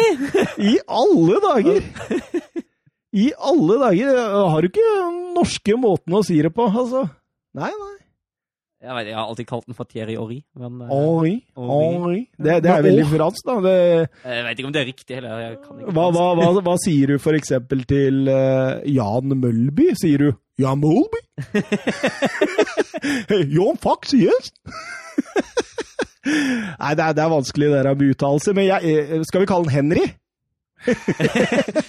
Thierry Henry. Sine, sine dine Sidane? Sine dine Sidane, ja. Nei, det er, det er mange navn, men eh, jeg syns det var et Ari-mål, eh, Søren. Ja, jeg er enig i deg. Det var altså, altså hyll til eh, David Louis, i hvert fall deg. Fin, fin gjennomtruspasning. Uh, gjør litt opp for den ekstremt dårlige involveringen han har før 0-1-målet der. Og så ja, det Ja. Ja. Litt Genial, den pasningen fra David Louis. Ja, Gjennom to ledd, Ja. altså. Men ja, jeg... Og, og det er derfor jeg sammenligner den med Mats Hummels. Jo, men Mats Hummels hadde skåret der, han. Men Eirik Erik Harlisson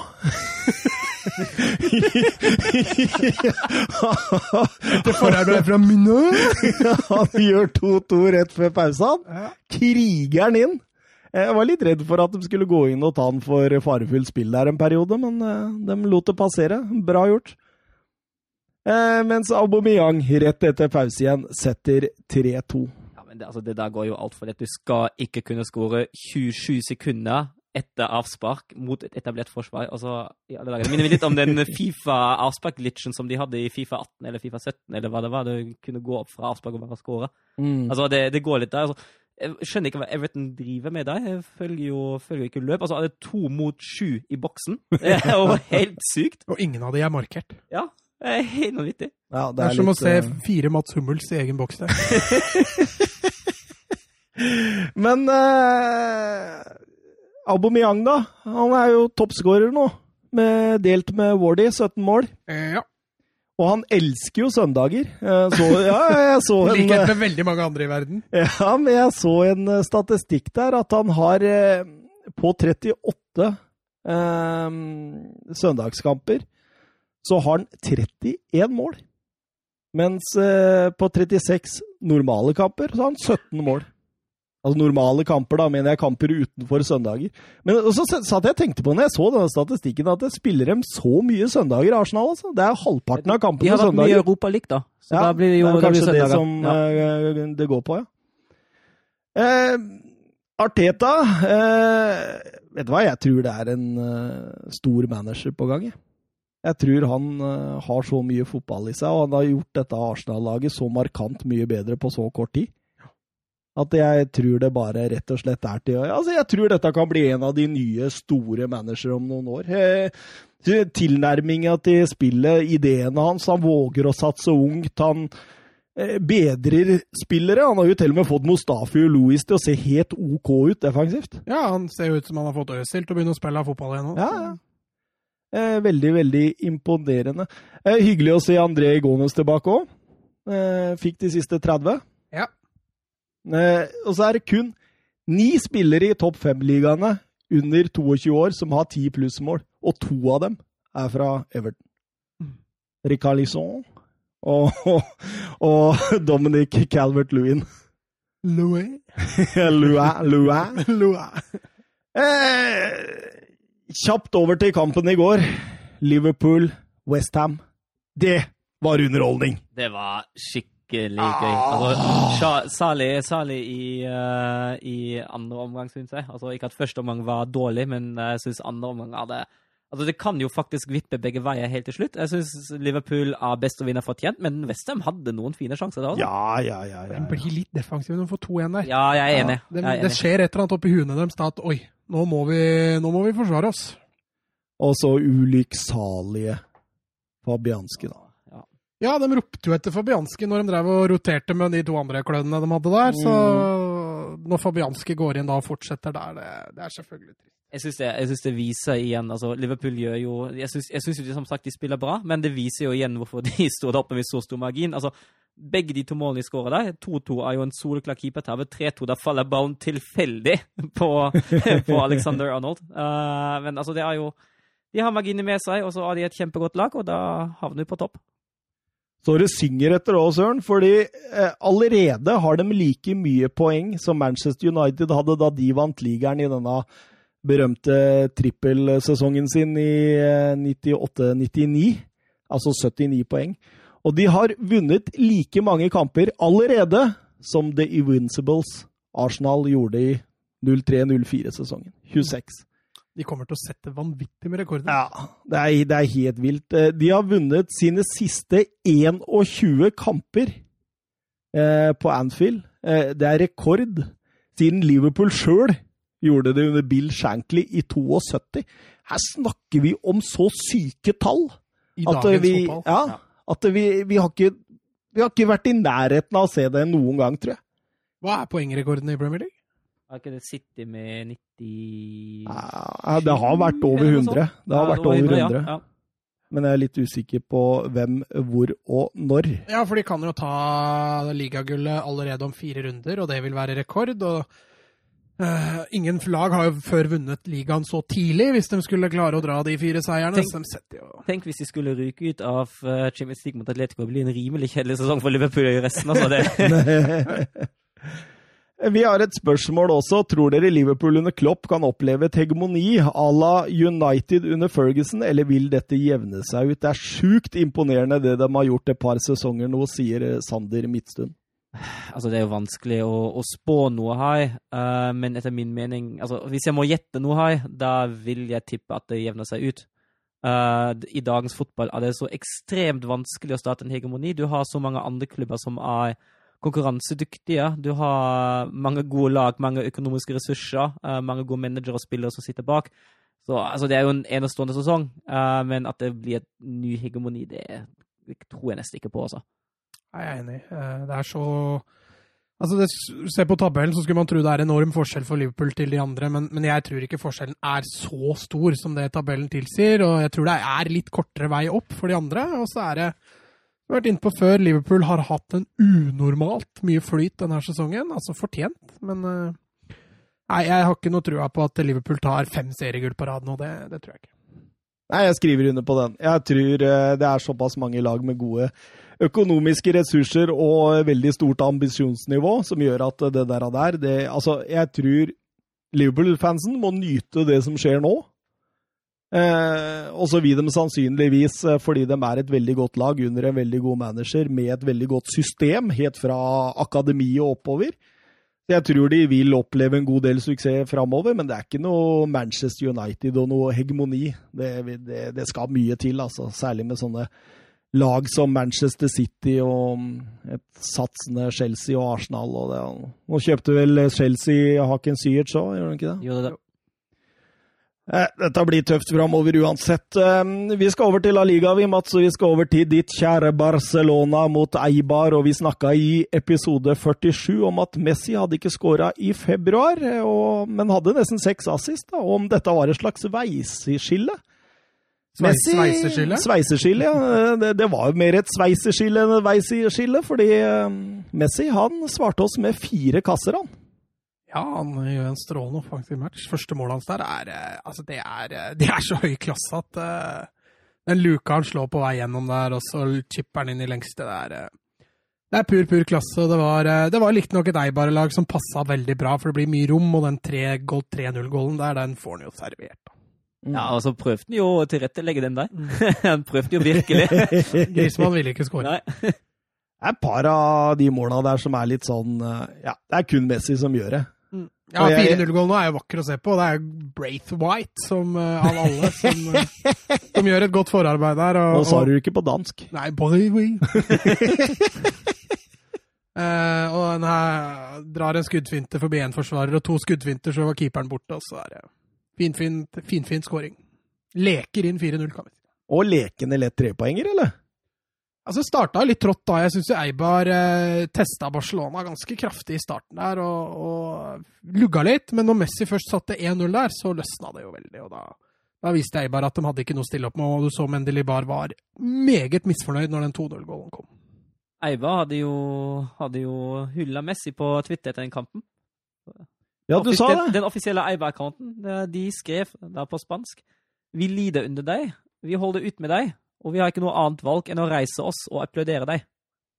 Så det, Det er ikke så mye annet å si. Nei, var det det er etter det. kampen de skrev det, eller? ja, det var etter kampen. Ja, for jeg så Napoli òg skrev jo når, når Barcelona skrev på sin Twitter-konto at de, Messi hadde skåret hat trick til pause, så skrev, svarte bare Napoli 'oh shit'.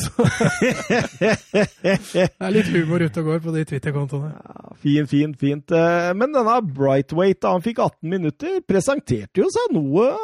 Skudd som eh, Det er en assist, og så et skudd som eh, gir en retur, som Arthur setter inn her. Ja. Jeg syns han var frisk. altså Det du får med, med Braithwaite, er jo mye energi, da. Eh, det vil du få. Eh, så Sånn sett så, så vil jo han jo tilføre noe, men du ser også i den kampen her at han, han er ikke noen voldsom målfarlig spiller. Nei. Han brenner egentlig to gode muligheter. Eh, og så må de andre spillerne passe på å være litt rundt Braithwaite når det skjer noe, for da jeg tror du kan plukke opp en del, eh, plukke opp en del målpoeng der.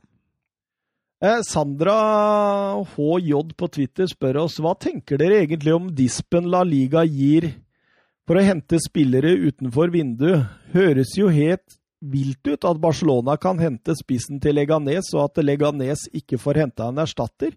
De store bestemmer. Glad det ikke er sånn i Premier League. Da hadde jo Jack Grealish vært i United eh, med en gang Pogba ble skada. Jeg, er egentlig 100% enig. Jeg har egentlig ikke noe mer å si. Altså, det er jo, er jo veldig de store spiser de små. Vi har, det er ikke sånn i Tyskland heller, heldigvis. Da må man heller satse på eventuelt andrelagsspillere eller ungdomsspillere hvis det blir for mange skader. Og det er egentlig, det er egentlig litt mer rettferdig da, syns jeg. Fordi altså, Men- du bør tilrettelegge for at noen kan skade seg i planlegging av stallen din, syns jeg. Mm. Men veit dere at det er sånn? At det ikke er sånn i Tyskland og England? Ja. ja. Altså, det Eh, er- Mourinho kødda jo med det. Jo, jo, For men, han sa jo det at eh, at, eh, at han lurte på om han kunne søke disp til FA for å hente Peter Crouch.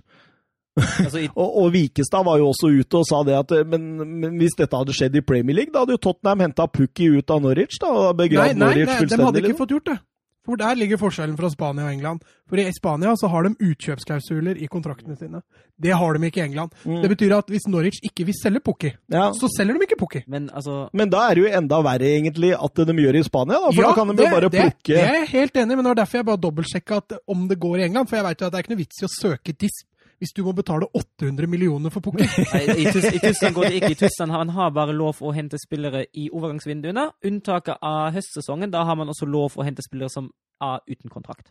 Det, Ja, det kan men du det er, det er også i Spania. Du kan Ja. hente spillere på free transfer. Ja. Uh, men, Men i Spania så har du lov å søke om disp og hente en spiller, men det må være skjellig grunn, altså en langtidsskade. Men Så- hvorfor får ikke Leganes hente Nei, for der har du ikke den samme grunnen. Altså, de, de, de har ikke en skade, de har ikke fått en, den situasjonen. Men jeg er helt enig, det er helt Det er jo helt vanvittig! Ja, og Leganes ligger nest sist på tabellen og mister da sin i Ja, og rett før overgangsvinduet så mista de jo en, en, en Siri òg. Ja.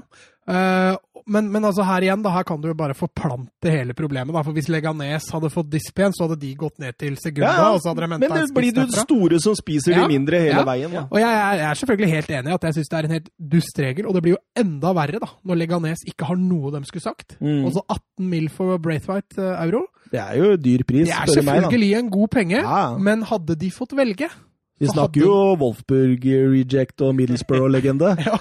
Men hadde, hadde, hadde Leganes fått velge, Ja. så hadde de jo antageligvis takka nei. Ja, sannsynligvis. Absolutt. Så, nei, jeg er helt enig. Jeg syns det er helt høl i huet at det er sånn. Leste et intervju med han Braithwaite. Ydmyk type, da. Eh, drev og snakka litt om eh, at en drøm kom til virkelighet og sånt. Det kan jo man skjønne når en spiller av den kaliberen ble henta til en klubb av den kaliberen. Men han snakka også Han var veldig klar på at han, han var ikke den beste. Men han eh, jobba hardt, de skulle få innsats, og at han var en såkalt fotballstudent. Da. Han var jo veldig opptatt av fotball og studerte. Så han, øh, han skulle gjøre en innsats, i hvert fall. Så får vi se hvordan dette bærer. Altså, selv du, Mats, hadde vel skåret en 10-12 mål med nok spilletid i Barcelona, sånn de spiller fotball. Knærne mine er veldig kranglete for tida, da, men uh, Eh, I mine glansdager så kan det vel hende jeg hadde skåret et mål eller to med, med de gutta rundt meg. Det kan, det kan godt hende. Når du ser de Messi serverer i ny og ne, så er det jo Ja, men du ser Grismann bommer jo, så han uh, Du skal være rimelig god for å skåre mål for det. Altså. Real Sociedad eh, Valencia, det var eh, Takk og farvel til Valencia. Fritt fall på tabellen nå. Ja, ikke bare der. Det røyk jo stygt også for Atalanta i midtuka. Eh, så det, er, det ser litt grått ut i, i, Valencia for tida. Nå er det jo ikke De er jo ikke håpløst langt bak ennå i forhold til Champions League-plassen. Det er vel, hvis ikke jeg tar rett, det er vel fem poeng opp eller noe sånt, så det er ikke, det er ikke helt krise ennå. Men formen de har vist nå, er, er for dårlig. Jeg har ikke vunnet på de tre siste kampene i La Liga. Tapte nå i midtuka for, uh, for Atalanta, som jeg sa, og så skal de jo nå møte da Betis hjemme, så det kan bli, kan bli litt tøft framover for Valencia. Mangalao Diakabi. Altså, det er, det er, klov, det er klovner i kamp. Se det 1-0-målet der, da. Begge stoppere er helt malplassert. Ja, jeg, jeg, skjønner Celade som bare ga debuten til han der av Hugo Guillamon ja. uh, i pausa der. Jeg bare tenkte at dette får stå til. Det får ikke gått noe dårligere allikevel. Nei, de og 2-0-måla, de taper jo dueller inni der, og 3-0 det er jo en suser av Jan Usai, da. En nydelig ja, altså de, jeg syns de to siste måla skal ikke stoppe av på sin kappe, sånn sett. Altså, De taper den første duellen på, dø, i, på dødball, og Jan Usai sin skåring, Altså, hvor ofte har han skåret sånne mål? Da? To hockeyassist av Martin Ødegaard. Ja. Hva tenker du? Vi får hylle. Nei, jeg syns ikke han gjør en fantastisk kamp nå. Han er han er på det jevne, vil jeg si. Ja. Ja, Han stabiliserte seg på et ålreit nivå i La Liga. Ja, da, altså, han, han, jo, han, spiller jo mot et bra lag og, og, leverer en bra kamp, men ikke noe sånn wow. Det er ikke noe Haaland over det. Nei. Så søren, den var til deg. Eh, Levante Real Madrid 1-0, Mats, og du må ha kosa deg glugg i hjel når José Luis Morales klinka ballen i mål ti minutter før slutt. Altså, Det var jo en tro kopi av måten eh, han derre uh, Burnley-spilleren skåra på De Gea. Ja, du tenker på J-Roder? Ja. J-Rod, ja. J-Rod. Og så har vi J-Rod. uh, men uh, jeg tror Courtois blir tatt helt på senga der. altså Han forventa ikke skudd i det hele tatt. Og når i tillegg da sitter limt oppunder tverrleggeren, så Courtois er jo ikke i nærheten av å ta han heller. Det er Nei, en overraskende skrå vinkel. altså. Ja, nydelig skåring. Men eh, ja, jeg kan vel kalle det kanskje et lite ran. Det var ikke Real Madrid på sitt beste på noen som helst måte, men eh, Real Madrid er jo det klart beste laget, og litt ineffektive. Ja, og Hazard ut med skade igjen. igjen? De, de der orda mine før sesongen om Hazard, mm. de, de, har slått til! ja, nå mistenker de jo at han er ferdig resten av sesongen, så um, vi får håpe han blir frisk og klar igjen til EM til sommeren. Ja, det, det, spekuleres veldig i det om at de bare nå skal la han jobbe seg fram mot EM, og så begynne på nytt av neste sesong. Ja, jeg tror nok kanskje ikke det er så dumt, men du ser jo det at eh, Hazard selv har vært litt skada, så er han jo veldig toneangivende, og de mister en god spiller altså, når han går av.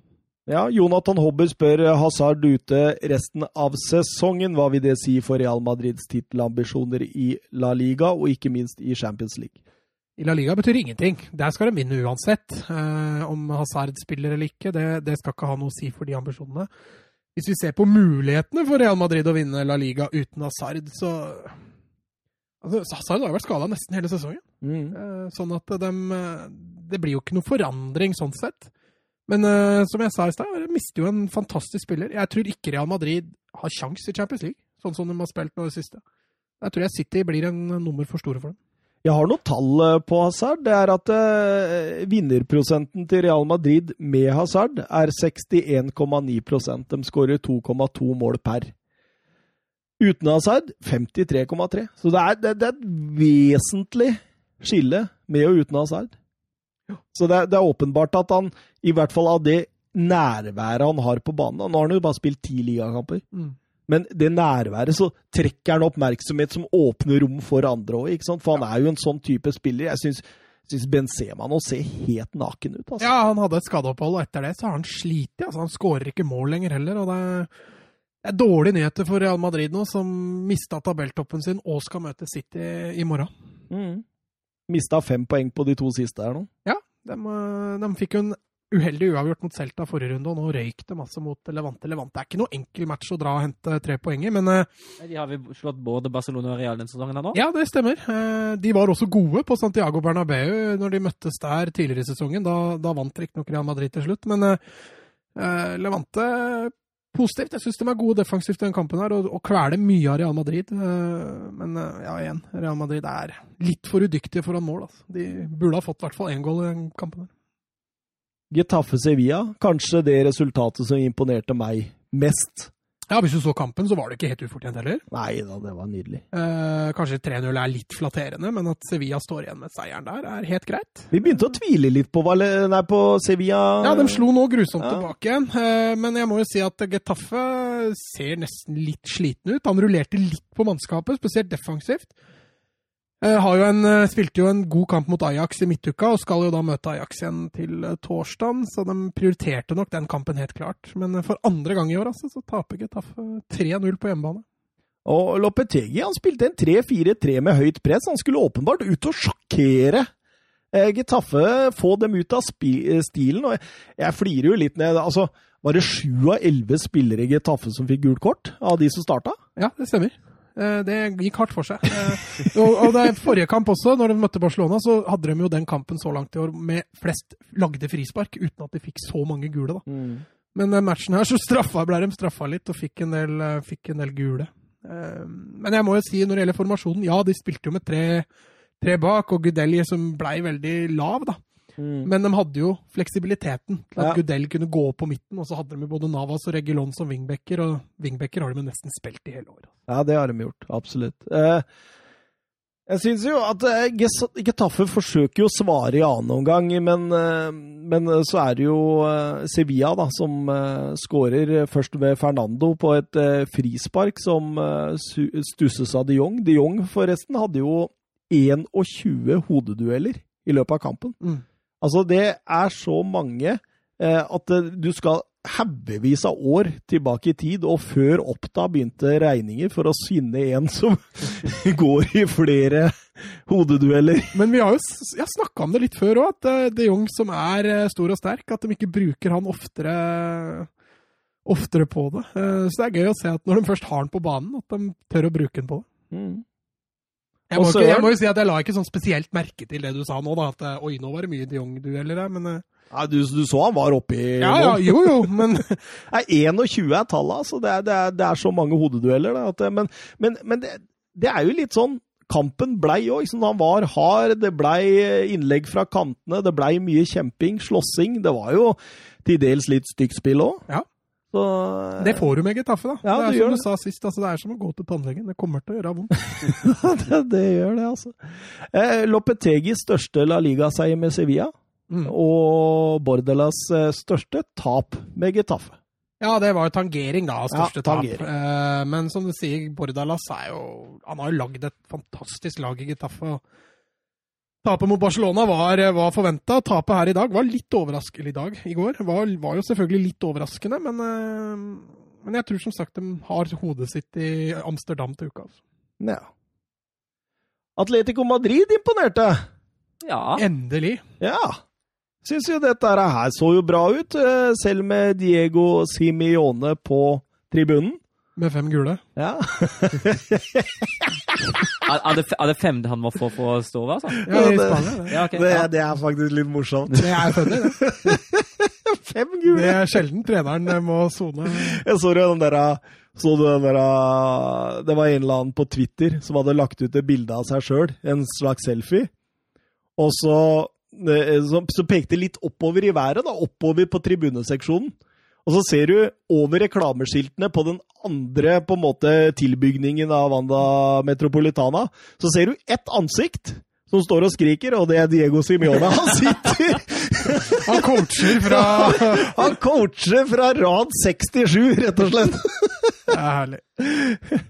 Men det var jo hans assistent eh, German Burgos som eh, leda laget. Han har gode tall, han. han men, jeg flirer litt av det òg. Han har faktisk leda laget 16 ganger. Ja, det er ikke tilfeldig det heller, eh, Thomas Edvardsen. Men han har tolv seire, to uavgjort og to tap. Eh, 28-12 i målforskjell på de gangene han leder laget fra sidelinja. Eh, men eh, Paco Alcacer, han eh, starter jo ballet. Ja, Fin skåring.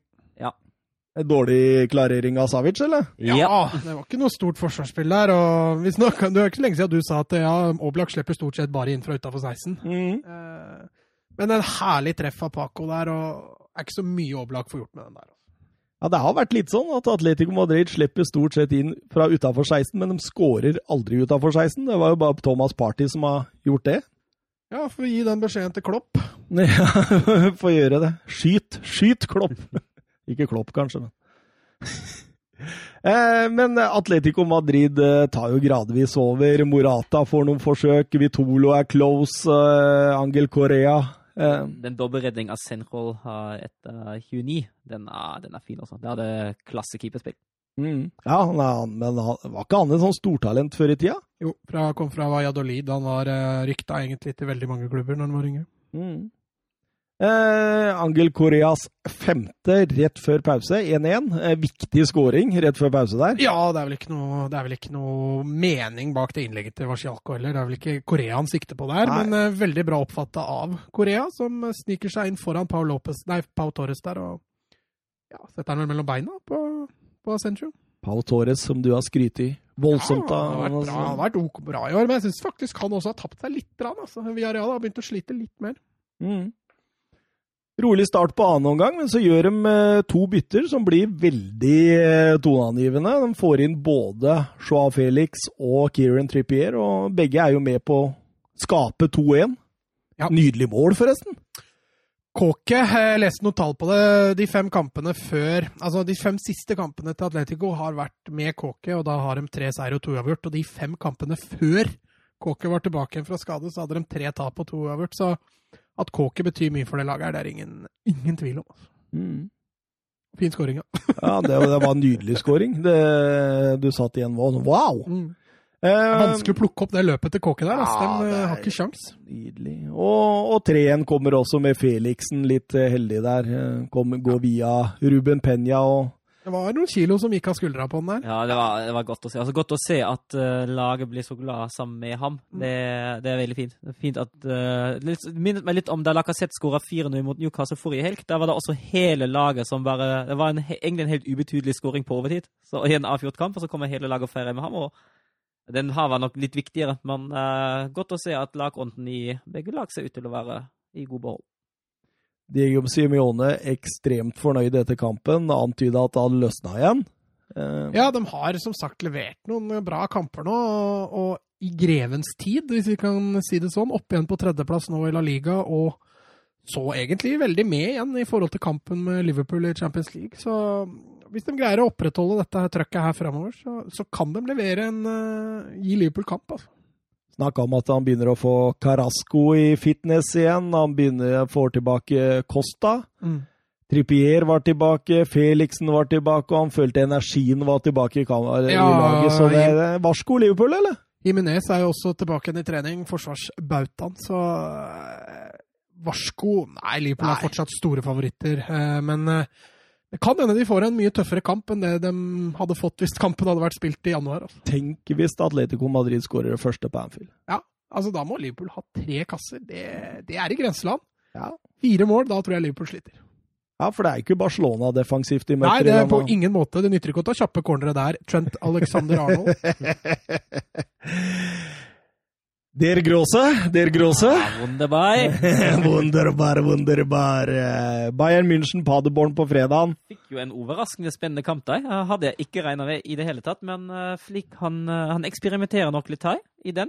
Eh, han spiller med tre bak. Kimmich, eh, Alaba og Hernandez som de sentrale bak. Og så starter han både Odiosola, Sola, Tolisso og Coutinho, og alle tre spiller fryktelig dårlig, syns jeg.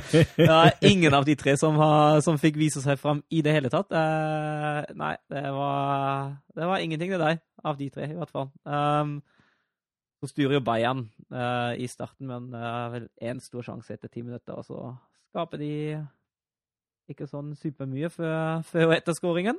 Så Bra, bra presspill i forkant av det målet til Gnabry der, som gir 1-0. Eh, men ekstremt morsomt 1-1. Manuel Noye, ja. Han, eh, ja, han, eh, han kommer ut, og så kommer han ut ganske så dårlig, så Hadde ikke han på førsteplass på jo, du, hadde keeperlista? det. Du hadde det. det, det han svarte deg fint der. Ja, takk skal du ha, Manuel. Takk skal du ha. Så Srebeni han, eh, altså, Den er jo ikke ferdigskåret at Srebeni går forbi Noye da, så jeg syns han gjør jo Jeg syns det er eh, kaldt og rolig gjort. Ja, en god jobb det der, altså. Litt Messi over, altså. Ja. Tar seg tid. Han kunne jo spilt inn nå, to mann foran målet. Og han har ikke dårlig statistikk heller. Han kom jo, han kom jo eh, tilbake til Paderborn i januar, og så har han skåra tre mål siden for sisteplassen. Det er ikke sånn superdårlig, det der, altså. Men kan jeg få lov å skryte litt av Noyer òg? Ja. Han er rutinert nok til å ikke få panikk og sparke ned spilleren der. Da hadde han fått rødt kort. Mm. Ja, han sier det jo sjøl. Han sier det Ja, sjøl han i har intervjuet etterpå. Ja, ja. han sier at eh, ja, det, var jo, det var jo kjipt, men jeg, har, jeg var rett for å sparke ned, for det hadde blitt rødt. Ja, Eh, jeg tenker det er mange keepere som ville gjort det. Fått panikk av den der. der. Og så hadde du sparka ned spilleren, og så sitter du der med ti mann og, og Ja, det hadde vel vært frispark, tror jeg, rett utafor, men Ja. likevel eh, Nei, men eh, Altså, ja. eh, Paderborn Altså, altså det er, altså, går jo litt eh, Litt endringer etter hvert i andre, men jeg, jeg, jeg trodde jo at Lewandowski skåret 270. Uh, at OK, nå, nå er det det. Nå er det, er det på sitt vante nivå. Men det er ikke det. Bayern altså, de har ikke visst i 90 minutter nå på en evighet. Jeg tror men, men tror du de tenkte litt Chelsea? Eh, allerede da, i forhold til både hvordan de satte opp laget og liksom hvordan det blei? Ja, det, altså, at, de, altså at lagoppsettet er, er skyldes den Chelsea-kampen om midtuka, det er ikke noe tvil om. Men uh, du skal jo ikke tillate sånne kontringer når du leder 2-1 hjemme på Paderborn. Det er jo bakrom som åpner seg til de grader. Og så tror jeg også det var litt uh, at Flick kanskje undervurderte Paderborn litt, med, med, særlig med tanken på de tre bakene. Nei, nå har vi Paderborn på hjemmebane, kan vi eksperimentere litt? Så det, det gikk jo nesten uh, ganske dårlig. På Sven Michel han setter 2-2, han, og det er også altså Det er ikke voldsom god retur av Neuer Nei, det er ikke det. Eh, Altså, en fin kontring. ja, nydelig kontring. Jeg, jeg skal ikke uttale navnet på han der som Som satte ballen på Neuer der, så ga returen. Eh, eller skal jeg prøve? Prøv. Denis eh, Jastersibebski. Sjibjapski, Det, det, det, er- så enkelt, ja. tror jeg. Jeg vet ikke. ja. Nei, det Ja, og så er det jo, altså er det jo klassen til Robert Lewandowski som eh, altså, Paderborn viser jo hvorfor de står på sisteplass i den situasjonen to minutter før slutt. Du Slipper han så aleine inn i det? Det er helt latterlig. Det, var- det var vel hans 25. Bundesligamål, var det ikke det? Ja, den sesongen, ja. Ja, Det stemmer. det er jo nydelig. Og så er det tragisk hendelse rundt kampen, dessverre. Eh, 14 år gammel jente, det er 14 måneder gammel jente som kollapsa og døde på stadion, som viser seg å være niesa til Paderborn-spilleren Strili Bamba, Mamba, som et, i løpet av kampen også må ut med skade og nå vil være ute resten av sesongen. Så det er, det er egentlig bare trist, det der, altså. Ja, jeg så Bayern eh, sendte sine kondolanser, ja. Det er egentlig, egentlig ja. Men eh, jeg tenker jo, hva gjør en 14 år gammel eh, 14 måneder gammel jente på en fotballstadion hvis hun Altså, eh, nå, nå veit jo ikke jeg noe om forhistorien der, da, men jeg tenker jo liksom det at eh, Var det en sjukdom inne i bildet? Hva, hva var det som skjedde, liksom? Nei, det, det er det ingen som har gått uten Altså, ingen har gått utenom i det. Paderborn sier jo sjøl at eh, de, altså, de har informert om det, og så sier de at nei, nå respekterer vi spillerens eh, privatliv, og ja, ja. det er jo sikkert helt greit. Absolutt eh, triste nyheter fra Allianz der, altså. Flikk Flick derimot, da, han valgte å, å, å skryte litt av Paderborn. Han sa at det var jo et lag som ville spille fotball. Mm. Men de var Eh, overraska flere i år, dem også. Så det var ikke, kan ikke, kan ikke ha vært så overraska, tror jeg. Flikk, altså. Nei. Nei, nei, absolutt ikke. Altså, Pader, Paderborn er jo, er jo kjent for at de, i motsetning altså Hvis man sammenligner dem med Union Berlin Union Berlin er jo et ekstremt tilpasningsdyktig lag, og det er jo noe av, eller en av hovedgrunnene til at de ligger så godt an som de gjør. Eh, mens Paderborn og Steffen Baumgart har jo i flere anledninger uttrykt at nei, vi spiller vår fotball uansett når med er vått, og det, det gjør de. Om de så møter Düsseldorf eller Bayern München, de står på sitt og prøver så godt de kan, og så går de rett ned for det. Ja. Ja. Litt Norwich. Litt Norwich. Litt Norwich. Eh, Borussia München, Glabach, Hoffenheim eh, 1-1. Eh, Mathias Ginter skårer 1-0, og da tenker man jo at dette skal vel gå helt greit, men den gang ei. Man trodde jo det. altså Det var jo en, eh, en veldig sjansefattig kamp i i hvert fall de første 40 minutter. Så er det Mönchengladbach som får noen avslutninger før de siste fem før pausen. Og så syns jeg Gladbach tar seg opp i andre omgang. eh, skaper en del sjanser. Får jo, eh, får jo en straffe etter, etter hands av Vai, eh, som eh, Baumann redda. Han snakka vi om for ikke så lenge siden. Ja, Ja, Baumann. ja, ja. Var det ikke han som hadde de tre Ja, ja, ja. De tre mot, uh, med Freiburg mot HSV. Det, ja. Så er det vel uh, første, første på 14 som ikke blir skåra på mot Hoffenheim nå, den straffen der. Så de har hatt en mørk serie på straffespark. Oh, City in the skies. Ja, og så er det, og så er det jo 2-0 som blir da annullert av Plea pga. en hands av Oscar Wendt i uh, gjenvinningen før mål. Så kommer det kommer nesten som det måtte komme uh, på overtid. Hoffenheims egentlig sånn ja, ikke helt eneste, men uh, en av de få sjanser i andre omgang. Så kommer innbytteren Lucas Ribeiro og header han inn etter, etter en corner. Boom! Der ble det uavgjort. Der ble det uavgjort. Og Glattberg sitter nok med en følelse av å ha mista to poeng. Ja, jeg tror det der, der plager Ja. Råse stort, altså. Alt gikk egentlig etter planen, og de burde skåret både to og tre, og, Ja. så, og så skjer det der, der, som det ofte gjør. Så Alfred eh, Schroeder sa Schroeder, Schroeder Schroeder. sa eh, vi møtte et eh, sterkt lag, og vi spilte bra. Vi er inne i en utviklingsfase, derfor er jeg stolt av laget. Så ja. En igjen borte mot, mot Mönchengladbach er vel uansett helt greit. Det er nok helt greit. Eh, Werder Bremen mot eh, Erling Braut Haaland 02. 0-1. eh. Eh, Begge lag eh, ut i en klar eh, 3-4-3 som eh, forventet. Eh, Ser en klar forskjell på hvordan Dortmund angriper pre-Haaland og post-Haaland. Altså, eh, eh, tidligere var de veldig ofte glad i at nieren skulle være en del av oppbygningen i laget, det, det, på en måte. Og, og nå handler det mye om hvordan skal du fòre Haaland med baller. Mm. Så han blir jo ekstremt Altså, det, det er jo liksom øh, Og, og du, du ser hele måten Altså, jeg ser dem skape rom med Shan og Witzel, for de trekker seg helt ned i treeren bak for å flytte presset til motstanderen opp.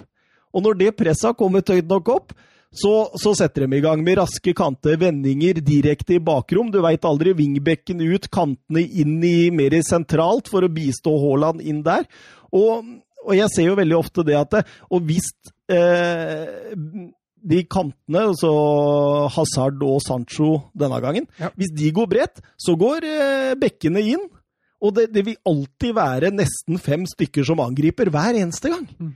Og, og Haaland står jo midt foran kassa og får alt servert. Det det er, altså, han, den, den bruker, jeg syns Haaland har blitt flinkere i oppspillinga, for han står jo en del feilvendt òg. Ja bruker han en del ja, men den bruker han jo feilvendt i, i, i den form av at det- når de skal eh, gå også bredt, Ja. ikke sant?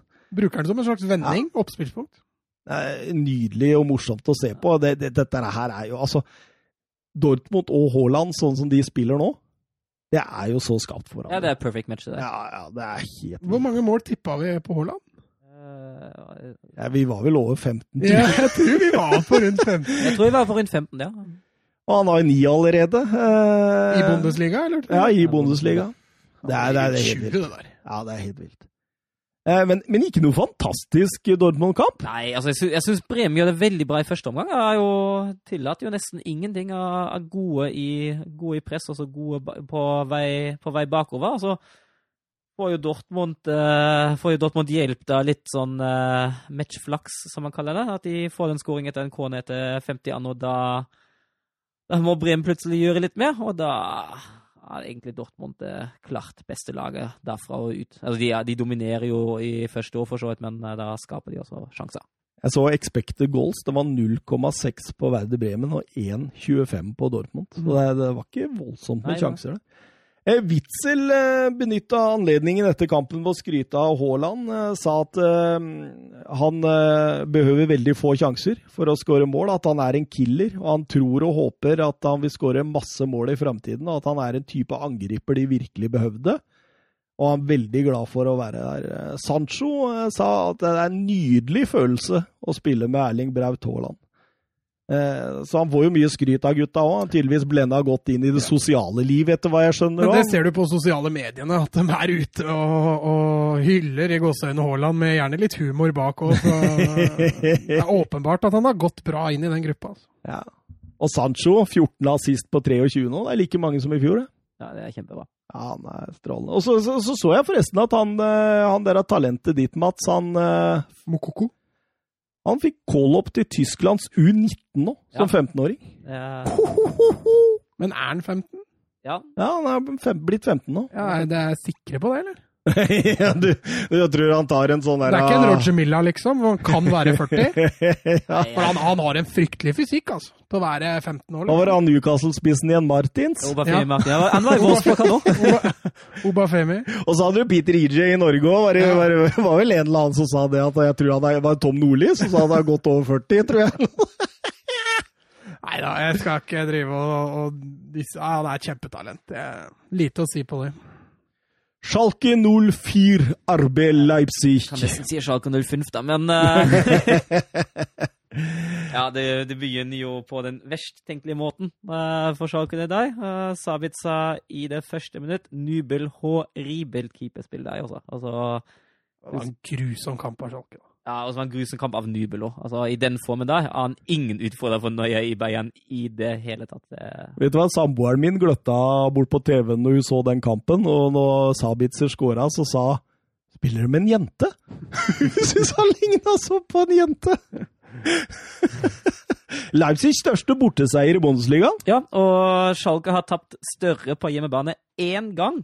Og det var 0-6 mot Bochum i 1981. Så Mm. ja, det er ganske historisk kamp, det der. Du så jo veldig godt, eh, følte jeg i løpet av den kampen, at Nagelsmann ønsket at Schalke skulle kun angripe ut på kantene. Han isolerte dem veldig, og det ble veldig ofte da spillende veldig langt. Eh, synes disse, dette lykkes dem veldig med. Schalke fikk sjelden starta opp angrepene sine. Jeg syns eh, Leipzig var ekstremt dyktige i bevegelsene. Så skape rom, og, og nærmest i, og skape rom i små lommer, da, som de alltid angrep i. Jeg synes de var rett og slett totalt overlegne, både taktisk og teknisk. Eh, Schalke skaper jo ingenting i den kampen der. Eh, Nei, jeg syns det var så flatt. Men, men sånn framtidsmessig, da. Altså dette Leipzig-laget mot det Tottenham-laget vi så nå. mm. Nei, jeg, jeg blir bare mer og mer sikker på at Leipzig klarer det der. altså. Ja, ja, men det, det var jo jeg òg. Etter de skadeproblemene, så sa jo jeg det. Altså, det var jo før skadeproblemene jeg sa Tottenham gikk videre. Jo, jo, men du sa så- også sist at uh, Ja, de har Ja. fortsatt en sjanse. Ja, ja, ja. Ja, ja. ja. Vi skal Jo, jo. ikke ta fra dem det, men jeg syns det Leipzig leverte den kampen her, var selvfølgelig bra, selv om Schalke var fryktelig dårlig. og jeg tror eh, Leipzig har, kan ha noen, få en artig fotballvår. altså. Ja. Og en Konkoa. Fire assist. Fire assist Ja, det er helt fantastisk. på 30 minutter. minutter. Strålende der. 11 assist denne sesongen. Ja. Eh, det har skjedd én gang siden Oppda kjørte, begynte å kjøre tall i 04-05. Det er eh, Sabolic Hutsi. Sabotsjusti 4-0-seieren borte mot Wolfsburg. Ja, det er, den kampen husker jeg veldig godt, dessverre. Du, du er så sjuk, Søren! Du er så sjuk! Ja, det husker jeg. Ja, den, den kampen husker, Det husker jeg veldig ekstremt- godt. Ja, dessverre. Jeg har prøvd å glemme den alltid siden, men uh, ja, nei. Wagner eh, sa etter kampen at det var et fortjent tap. Vi var ekstremt dårlige, og vi må analysere dette helt ærlig. Ja. det er Schalke, vi har jo snakka litt om dem etter den seieren mot Mönchenglappach. Da så de jo ekstremt gode ut, eh, og da snakker vi om at i denne formen, da, da er de jo kandidat til Champions League. De fem seriekampene de har spilt siden, da er resultatene 0-5, 0-0, 1-1, 0-0 og 0-5. Mm. De har skåra ett mål og har tatt tre poeng. Og Og- fått Wolfsburg er rett i ryggen på dem! Det er faktisk helt sant. to poeng. Vi kommer dit. ja, man ser det. det der, er- der er det glis du bare ser når folk går ut av Og ja. Skulle du si bordell nå? eller? Nei, det skulle jeg ikke si. Eh, Leverkosen Augsburg 2-0. Jo en kamp der Leverkosen egentlig har ganske brukbar kontroll.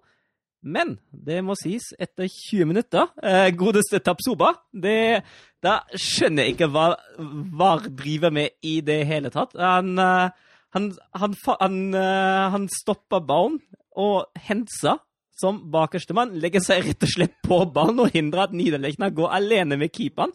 Jeg får ikke rødt kort for det der. Det, det, det er helt sykt. VAR fungerer jo perfekt i Tyskland, har ikke du sagt den, det? den, det, det sier det fungerer bedre i Tyskland. men Det er perfekt gjør den ikke. Altså, det da, altså, at, at, at, altså, verken dom, altså, at verken dommer eller VAR snapper opp, det er jo eh, helt utrolig, altså. Men Havertz var kaptein, han. Ja, og han uh, spiller nok en brukbar kamp, syns jeg. Uh, fint, det. Mm. Ja. Havertz var yngste kaptein i bo- på et Bundesligalag uh, siden 2005. Ja. Eh, Husker du hvem det var som var eh, kaptein? eh?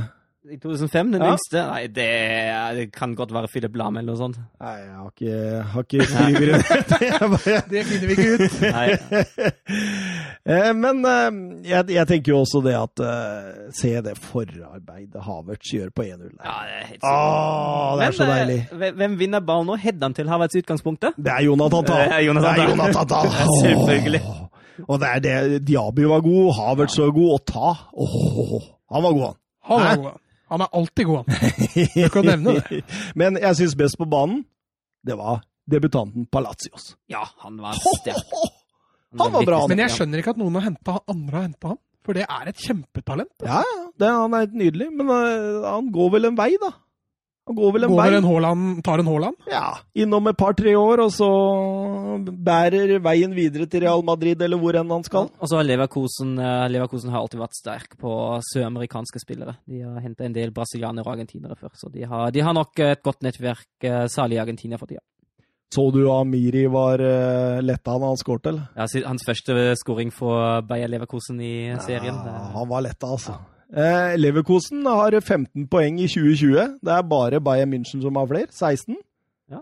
Eh, Leverkosen har også aldri tapt en Bundesligakamp mot Augsburg. eh, Peter Bosch begynner å få swing på svangen. Eh, Begynner å få skikk på sjakken. Men det må sies at eh, nå er det kjedelig for Leverkosen fordi Kevin Folland er ute resten av sesongen. Så det fikk skade i Europaligakampen mot, uh, mot Porto. Porto. Og så, ja. Det viser seg å være litt mer seriøse greier. Wolfsburg Mainz. Det var fint. Den går vi glatt over. Nå hopper vi rett til. eh, Mainz går går voldsomt ut i starten for seks cornere på de første fire minutter. Eh, etter hvert som det stabiliserer seg, har Wolfsburg klart mest plan, men Mainz forsvarer seg egentlig ganske all right og satser på kontringer. Uh, blir jo torpedert av at uh, Brekkalos uh, langskudd uh, havna i mål. Ikke helt uttagbart for godeste Robin Sintene. Og så var Wolfsburg faktisk iskalde. Det Oi, oi, oi. Oi, oi, oi. Uh, rett før pausen da kløner jo Mainz det voldsomt til, og Ginchek som, eh, som vinner duellen sterkt på venstre. Og så er det fin redning av sentene, og så blir, blir ikke han og Niakite, Niakite enige hvem som skal klarere, og så klarerer de sånn halvveis begge to rett på hodet til Renato Steffen, som får en eh, ganske enkel jobb. Og så hadde jeg egentlig avgjort rett etter pausen. Men var det et nytt system, eller, Søren? I Wolfsburg? Ja, jeg synes det var litt- Spilte i sånn 4-2-2-2. Ja, litt sånn Nagelsmann gjorde i starten i Ja, og Leipzig-karrieren. Det skyldes jo litt de skadeproblemene som er. Ja, og både, altså Maxi Arnold er jo ute med sitt femte gule. Uh, Felix Klaus er skal vi si, nesten si heldigvis ikke matchfit. Uh, Joshua Gilavogia er ute. Uh, og når man har to gode spisser i uh, Wechost og Ginchek, da er det egentlig ikke noe feil å sette de på topp og prøve det litt. Og jeg syns egentlig det fungerte greit. Uh, Ja, var nok litt uheldig. Går av ingen av dem, så Nei, men uh, Ginchek, har- Ginchek har jo assisten på 3-0. ja, jeg, tuller, jeg tuller Ja, ja. med deg. Jeg syns det fungerte bra, jeg også. Bare få fram at uh, antall skåringer definerer spisser. vet du. Og var nok litt, litt uheldig i den kampen. Nei, men uh, får heller skåre når det blir viktig, og når det ikke blir fem eller seks. Og... Wolfsburg skårer på de tre første skudda de har på mål. Ja. Det er den, effektivt. og så var det en Ginchek-sjanse som gikk uh, rett utenfor rett før pausen. Og så var det jo den 4-0-skåringa til Renato Steffen. Den er jo, den er jo herlig. Den er jo klasse over. Kjøre, kjøre en Zidane-finte, slå Luke og sette han plassert i Ja, han var fin. Steffen var bra, faktisk. ja, hans beste kamp Ja. i Wolfsburg, tror jeg, med god margin. Han, eh, Jannik Gerhardt han uh, skåret sitt første mål på akkurat et år. Ja. Det sist var mot Gladbach 23.2.2019, så da er det bare å glede seg til 23.2.2021. Han har ikke hatt den eh, største sesongen. Han, han sto jo i køen bak Nei, men han var bra, han! Ja, jeg syns det. Ja. Jeg syns det, men han, altså, Problemet hans er at eh, han står i køen bak Gilovogi, Slag og, Arnold, og da får han ikke spille så mye. Nei, men Så- hvor, hvorfor ikke putte han der Gilovogi bak i forsvaret, da? Nei, si det. Um, han er jo ute Altså, nå som han har gått over til, til å spille med fire bak, syns jeg han gjør jo helt greit som en, som en anker foran Forsvaret. Men eh, jeg etterlyste jo før at han har egentlig ingenting. Altså i hvert fall ikke i en eh, Hvis vi spiller med en trevekslinje, har han ingenting i den sentrale midtbanen å gjøre. For da blir det altfor tungt framover for dårlig, dårlig overgangsspill. Da hadde det vært bedre å ha en sentral som midtstopper der. Men eh, nå går det jo bedre i det nye systemet. da. Nå går det bedre i det nye systemet, og søren, han er så fornøyd, for nå jakter de med Europa League. Jeg skal si deg én ting. Hvis, uh, hvis Bayern vinner cupen, som er jo ikke er helt umulig med tanke på at både Dortmund, Leipzig og Mönchengladbach allerede er ute, da holder den syvende plassen til Europa League.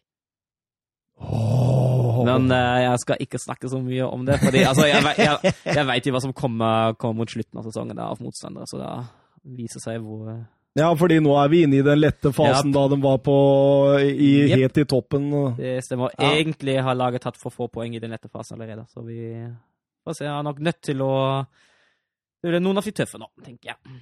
Ja. Amputert runde i eh, Serie A. Ja. Koronaviruset satte fire eh, Serie A-kamper ut av spill, deriblant eh, kamper vi ville fulgt, Inter Sampdoria og Atalanta Sassolo. Eh, nå hører jeg det skal gås for tomme tribuner og alt mulig her. Eh. Ja, dem er eh, Det er jo Hvis vi skal snakke ikke-fotball, så er det jo ti stykker nå som har stryket med Italia pga. korona, og de tar ingen sjanser. Det er snakk om at også utforrennet, eller sesongavslutningen i Cortina i alpint blir avlyst. eh, Så er, de tar visse Store folkemengder skal de ikke ha, liksom. Og karnevalet blei avlyst i Venezia, så jeg, så Ja. de tar ingen sjanser, og det er vanskelig å være uenig. Eh, Så det blei bare et par matcher, da. Ja. Bare et par matcher. Eh, den ene av disse matchene er Brescia mot Napoli. Eh, Napoli klatra opp på en sjetteplass nå, de. Eh, vant eh, 1-2 borte mot Brescia fredag. Eh, Brescia som sliter tungt. To poeng i 2020, det ja, nei, det, Altså, hjalp det jo ikke å ta ledelsen heller. Det, Nei, han Chancellor han omsetter Tolalis eh, corner i mål, og, og man tenker jo liksom det at eh, Oi, oi! Nå får de sjansen her, men uh, ifølge Kostas Malnolas da, så var det pauseprat ut av en annen verden fra Gattoso som fikk dem uh, opp på hesten igjen, og får jo tidlig et straffespark i annen omgang. En hens fra Mathieu. Uh, Insigne setter den. Fire minutter seinere er kampen snudd. Fabian Ruiz med et nydelig skudd. er herlig. Han har en rett etterpå, vet du, som keeperen er og henter. Eh, Jo- Joronen eh, redder han jo mestlig. Eh, Balotelli får en god sjanse til å sette 2-2 på slutten der, men det, det vil så jeg ikke. Og jeg tenker Spal og Brescia er ferdige.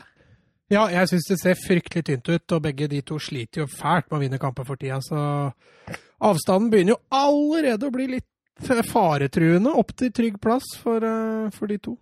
Og Gattuso har jo faktisk fått troen. Ja, jeg, jeg sa jo det, at dette er starten på nye Napoli. Ja, du, Jeg sa jo det. ja, du, du, Kanskje med spørsmålstegn etterpå, men uh... du er der, ja. Ja, ja, ja, ja, ja. Tonali blir vel fritt vilt da, nå da, når Ja, Brescia rykker ned. blir det nedrykk, så kan han jo fort vende opp hvor som helst. Inter, Juventus. Ja, Hvis han blir i Italia, så blir det vel enten de, da, eller kanskje Lazio. Det er jo de store, det, nå, men uh... Han hadde passa fint i Lazio vet du, til å ta over for uh, Lucas Leiva. Ja, ja, jeg, jeg tror også det. Han har gått glatt inn i den eh, sentrale rollen der. Men han er god nok også, han til å prøve seg i både La Liga og Premier League. Ja, da, absolutt. absolutt. Men jeg, jeg tror han har godt av noen år til i Ja, det tror jeg òg. Tatt et år i Altså Juventus, da, da blir han jo arge konkurrent med Pjanic, og da blir veien ja, Da har ikke Pjanic hatt noen god sesong, men da blir Ja, han var veldig god i starten, syns jeg. Ja da, han kan, Ja. men da kan veien bli lengre fram for Tonali. Eh, Jeg tror veien kanskje er litt kortere på Lazio og Inter. Snakkes jo så smått om at Sarri ønsker Jorginho nå, så da spørs det jo hva som kan skje med Pjanic. Eh, når vi skal over til dette med Sarri og Juventus, så var det bunn mot topp, Spal mot Juventus, og eh, nok en småtreig, sirup, småtrist Juventus-seier, altså. Overbeviser det ikke helt, nei. Ja, Golden til Ramsey er jo fin nå. Uh, blir vakkert spilt gjennom der og chipper over keeperen. Det er klasse. Det er, det er klasse. Ja, Eh, Forarbeidet til Ronaldo sin goal òg, for så vidt. Det er ikke noe å ta fra Cuadrado der. Nei, absolutt ikke, men de, de, de grinder ut resultater uten å imponere. Ja. Eh, Spal er ikke noe Spal er ikke noe Champions League-kandidat. det, det, det kan du trygt si. Eh, så flere nettsteder var ute og snakka om at dette var den tusende kampen til Ronaldo. Profesjonelle kampen. Og hans 725. mål. Ja, og to for Sporting Lisboa B. Er, er det profesjonelt? Ja, eh, fordi B-lagene der spiller i divisjonssystemet. Det er litt Ja, som i. Norge, da. Ja. Eh, Sånn at eh, det teller sikkert, tydeligvis. 31 for Sporting Lisboa. 292 for Manchester United. 438 for Real Madrid. eh, 73 for Juventus og 164 for Portugal. Det har gitt 725 mål. Nå snakker du om antall kamper. Så det er eh, Ja, for det har aldri blitt 1000 mål. Mats. Ja, ja, men det hadde blitt fryktelig mange landslagsmål for Portugal. Tenkte jeg, har han 164 mål? Nei, men det er jo bare å hylle denne mannen her som egentlig altså det, det er, Han skårte i sin ellevte strake Serie A-match nå. Det er kun Batistota og Cagrella som har gjort før. Ja, men vi har jo allerede hylla han en del ganger nå. Eh, Han, Ja, du, er, du er lei av å hylle han? Nei, nei, nei, han er en eh, Altså, det er jo det mentale til Ronaldo som er så fantastisk imponerende. 35 Eller er den 36 da? Ja, 35, tror jeg. Og har jeg fortsatt så sinnssykt sulten. Vi, vi etterlyste han litt i starten av sesongen. Det virka ikke som han kom ordentlig i gang, men nå Jeg tror eh, Hvem er det Juventus har med i Champions League i morgen? Ajax? Nei, Lyon. Lyon. var det. Skal få kjørt seg greit, eh, de gutta der. altså.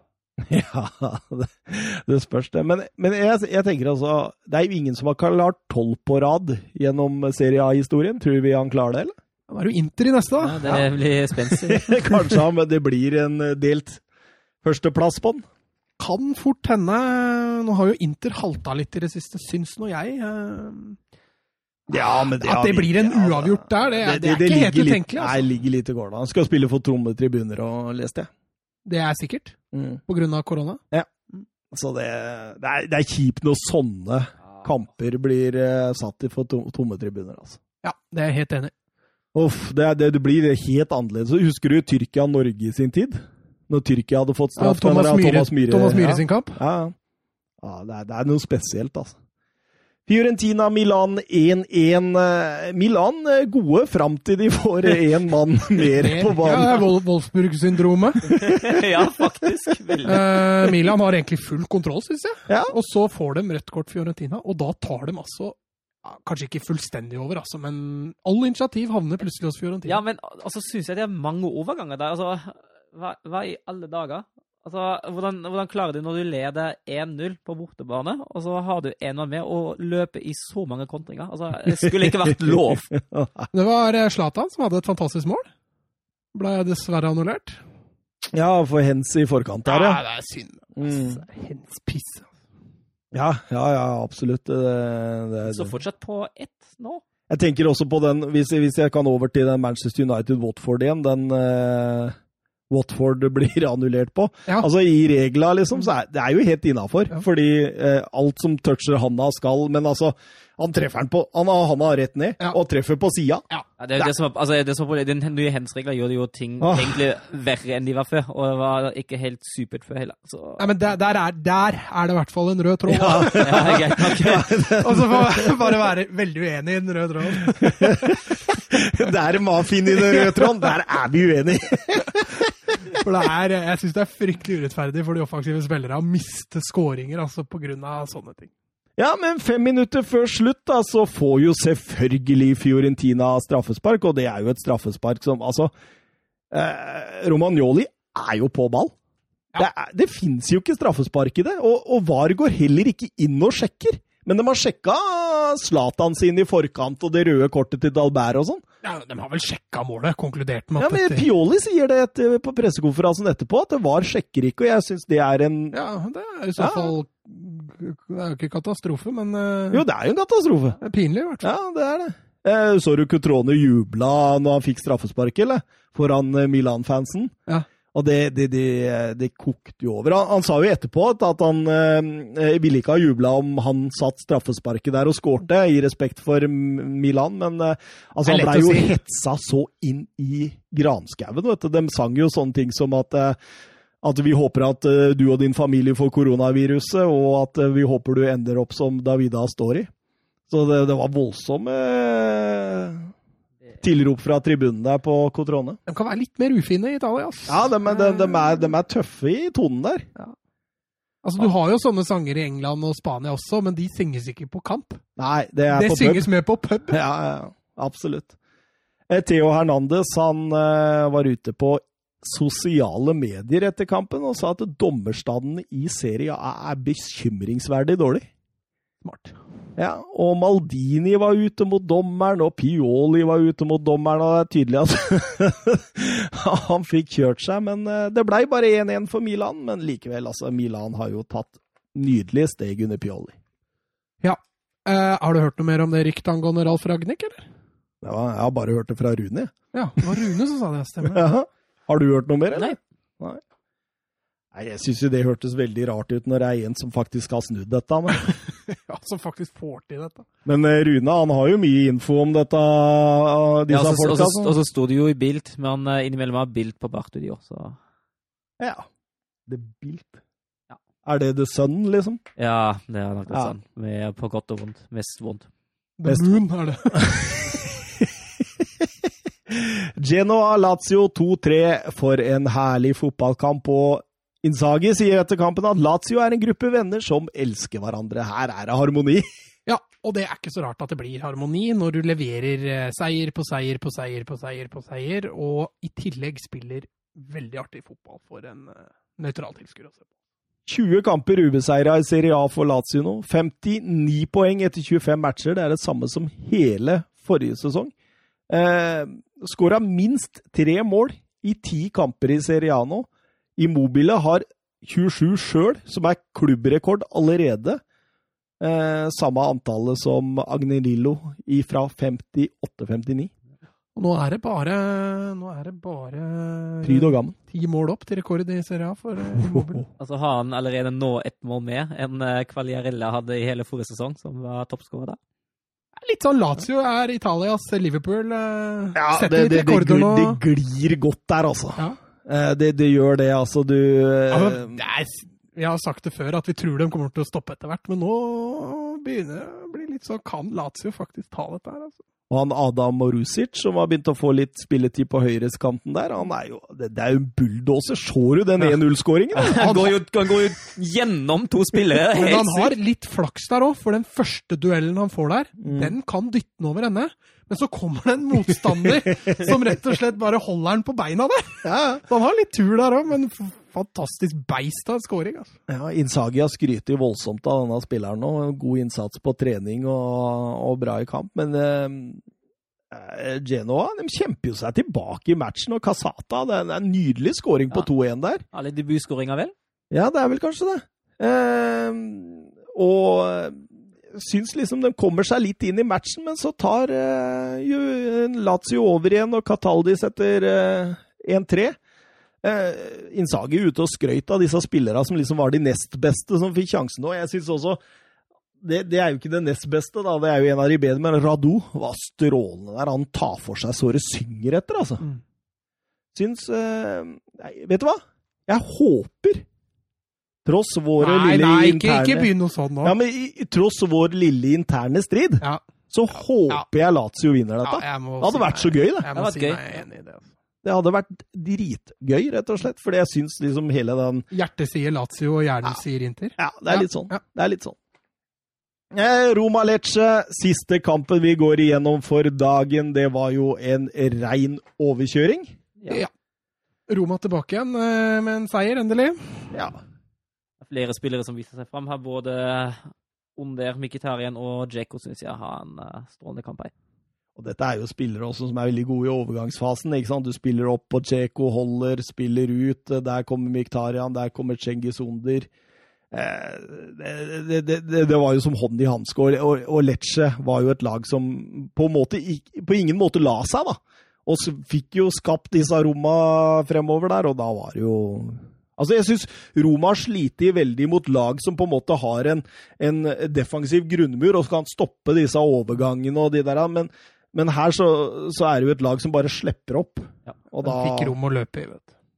de fikk nydelig rom å løpe i, selv om han eh, Lapadula var nærme scoring der med den i stolpen. Ja. Men det var vel den eneste virkelige sjansen Lecce hadde i hele kampen, tror jeg. Hvis Mm. jeg ikke husker helt feil.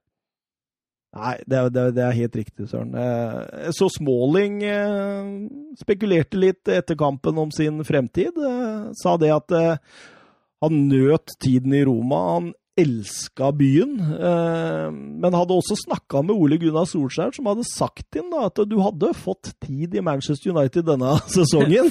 Skal nesten Sånn. Phil Jones? Så nå er han jo Han har jo kontrakt i 2022, da. Så nå lurer han litt på hva han skal gjøre. Jeg, jeg, bli Roma, du, eh, Smalling! Bli Roma! Eh, Elleve skudd på mål hadde Roma. Det er flest eh, siden eh, de, de gjorde 15 mot Spal desember 2017. Og Edin Cheko han er oppe i 102 mål for Roma nå. Det er sjetteplass i historien, likt med Montella. Selvsagt så er det Totti? på topp, med 307 mål. Toppi. Å, vi var igjennom. Jeg tror vi har et Twitter-spørsmål igjen. Ah, vi, vi har jo droppa Ukens talent. Ja. Det var litt rart å ikke finne et talent. Ja, faktisk. Også litt deilig. Ja, det, det. Jeg syns det begynte å bli litt skralt. ja men du har jo, du har jo Sier jo du har hatt eh, en liten sak om noe Hva er det du skulle, du skulle Ja, jeg hadde jo noen lister. Jeg syns jo sånt er kult, jeg, da. Men eh, jeg vet ikke, har vi tid til det? eller? Jeg vet veit ikke. Det, det det er nesten gang. Søren som er avhengig av tog, som må si dette. Altså, kjør på. Men, men, men vi må først eh, svare Didrik Tofte Nilsen på Twitter her. Jeg ser litt fram til Norge-Serbia, jeg, da. Eh, Kan dere sette opp elveren dere mener Lagerbäck bør stille? Jarstein i mål? Ja. Altså, mener, altså det vi tror han stiller, eller det vi, Det vi mener. Det vi ville valgt? Ok. Jarstein i mål? Ja, Ja. der er det vel ikke så mye å velge mellom. Ajer og Jeg ville gått for Nordtveit. Ja. altså, ikke fordi han har vært så fantastisk, men Reginiussen er ikke i sesong, altså. og Hovland er for dårlig. Østigard for tidlig. Ikke Ja, i men en jeg- så viktig kamp. Jeg har tatt med i troppen. Mm. Ja, for Ja. læringa og den Ja. greiene. Ja, for jeg, jeg tenker Østergard og, og Ajer. Ajer for framtida. Ja. Eh, Nydelig, altså. Eh, Abdelaue høyre, eller? Ja, det står jo mellom han og Svensson. Du er ikke og... veldig Abdelaue-fan? Ja, altså, jeg liker tanken, men, jeg- men jeg syns han sliter veldig, veldig med å, være ah, Hva skal jeg kalle det? At det blir noe sluttprodukt, da. Ja, Eh, samtidig som han, du ser han har klare svakheter defensivt. Da det... Svensson er jeg fortsatt veldig spent på. Hvis han hadde fått noen sjanser på A-laget, hadde han levert bedre. Men Abdelawa er klink for Ja, altså, i, I en sånn kamp så er jeg helt enig. Jeg tror jeg hadde gått for Abdelawi sjøl. Alesami eller eh, Meling venstre? Alle Sami. Ja, alle Sami, men eh, det skyldes nok at alternativet ikke er noe særlig å spille Ja, igjen så er jeg tilbake igjen på at Meling er ikke i sesong. Og Ja. Alle Sami, de tre siste landskampene hans har jo faktisk vært bra.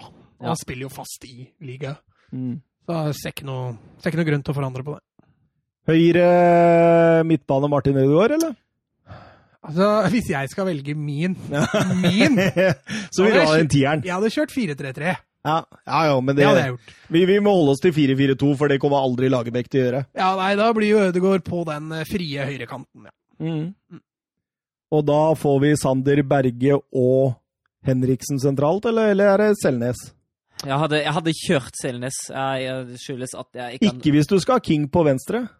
Nei, jeg skal ikke ha King på venstre. Nei. Nei, men det altså, Jeg har da... veldig lyst på Sørloth og Erling Braut, jeg skjønner du, på topp, med King på venstre, Martin på høyre, og så en murbrekker Jeg- i Henriksen.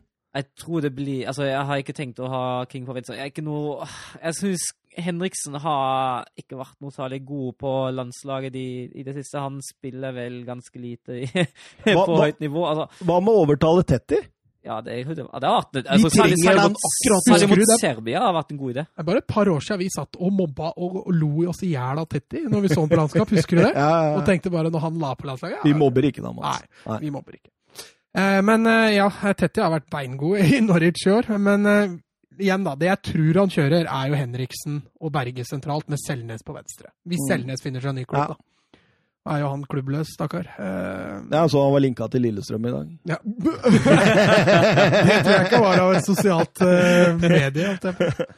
Men det jeg håper, da, eh, er jo Berge selvfølgelig sentralt. Og så håper jeg Selnes på venstre. Jeg syns det har fungert greit. Den siste sentrale er litt sånn som på Søren. Jeg er ikke noe sånn super Markus Henriksen-fan. Uh, han har sine styrker, men på en hjemmebane da, mot Serbia, hvor vi skal ha litt initiativ, da, da tror jeg kanskje heller ville foretrukket en Midtsjø eller uh, en litt mer offensiv, kreativ Han type. uh, Moi Elionussi, er han eh, ready, eller? Ja, han, Han har jo spilt en del i Celtic, han. Jeg tenkte jo jeg tenkte å kjøre ham på venstre. Ja, du har det. Og Selnes sentral, eller? Ja. Men, men blir ikke det litt lite defensivt? Jo, kan jo fort bli det. Ja, ja, altså, men de tre Må ha Tetti inn der, da, istedenfor Selnes. Ja, det, det hadde vært, eh, vært en drøm. Ja, de siste landskapene har vi snakka om at ja, han har kjørt fire sentrale midtbanespillere på midtbanen. Eh, Når Ødegaard ikke har starta. Ja, altså, det, det, fungerte, det fungerte jo fint defensivt mot Spania men, Og eh, Sverige. og Sverige, men så gjorde den jo det samme mot Romania, der man absolutt trengte en seier, og Mm. det ble jo ren fiasko. Men hvem vil dere ha på topp da? King og Haaland. Sørloth, som er helt rå, han skal benkes. Ja, men Du spiller jo med én-to spisser, da. Ja. King er jo ikke det. Altså, du sier jo at Jeg vil ha King på venstre. Ja, ja, men du sa jo akkurat at med Leonussi at da blir det ikke noe defensivt, sa du jo. Jo, men jeg vil, jeg vil eh, ha Henriksen istedenfor Selnes inn. Da blir det defensivt. Jo, jo, men Henriksen altså, Henri, Henri, Henri, Henriksen og, og Berge er jo bra defensiv midtbane. ja, men jeg synes jo, Hvis du Sel setter Selnes inn i den jeg synes jo Selnes er vel så bra defensivt som Henriksen. Syns du det? Jeg er enig i at Henriksen dekker mye mer rom. Ja, han er jo en bedre defensiv spiller han enn Selnes. Selnes er mye bedre med ball, det er jeg enig i. Men altså, du får jo mye bedre defensiv trygghet med Henriksen enn med Selnes. Ja, Det er i så fall fordi han dekker mye mer rom, da. Ja. Jeg syns Selnes én mot én defensivt kontra Henriksen er jo ikke Selnes er jo en smartere fotballspiller òg, syns jeg, enn eh, Men aller helst så ville jeg tatt en Altså, hvis du- telefon til Tetti og så sagt at vi trenger deg i disse matcha. Vi trenger deg. Ja, eller Skjelbred. Ja, ja, ja, Tetti.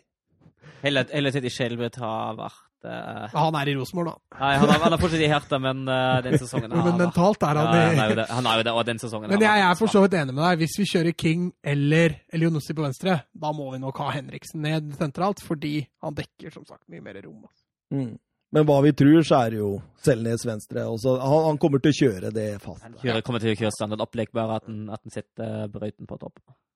Brauten og å, fy, Det blir moro, da. Brauten på topp. Åh! Spennende å se om han får noe Altså, det er ikke Sancho og Hazard og sånn han har rundt seg her, altså. Nei, men det er Ødegård og, og. Selnes og, Og King. og Abdelabo rundt på kant der. Og, Hva tror du King tenker når Haaland er så jævla god nå?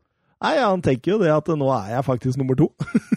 Nei, det tror jeg ikke han tenker. Ja, Du tror han tenker at du har Vet du hva? Når jeg kommer på landslaget nå, så må jeg skåre hat trick. Det er Ja. det han tenker. Ja, jeg må skåre mer enn Haaland. må, altså Han skyter nå istedenfor å sentre til Haaland.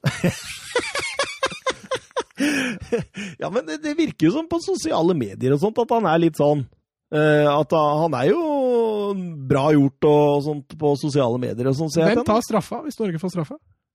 Oi. Det er King.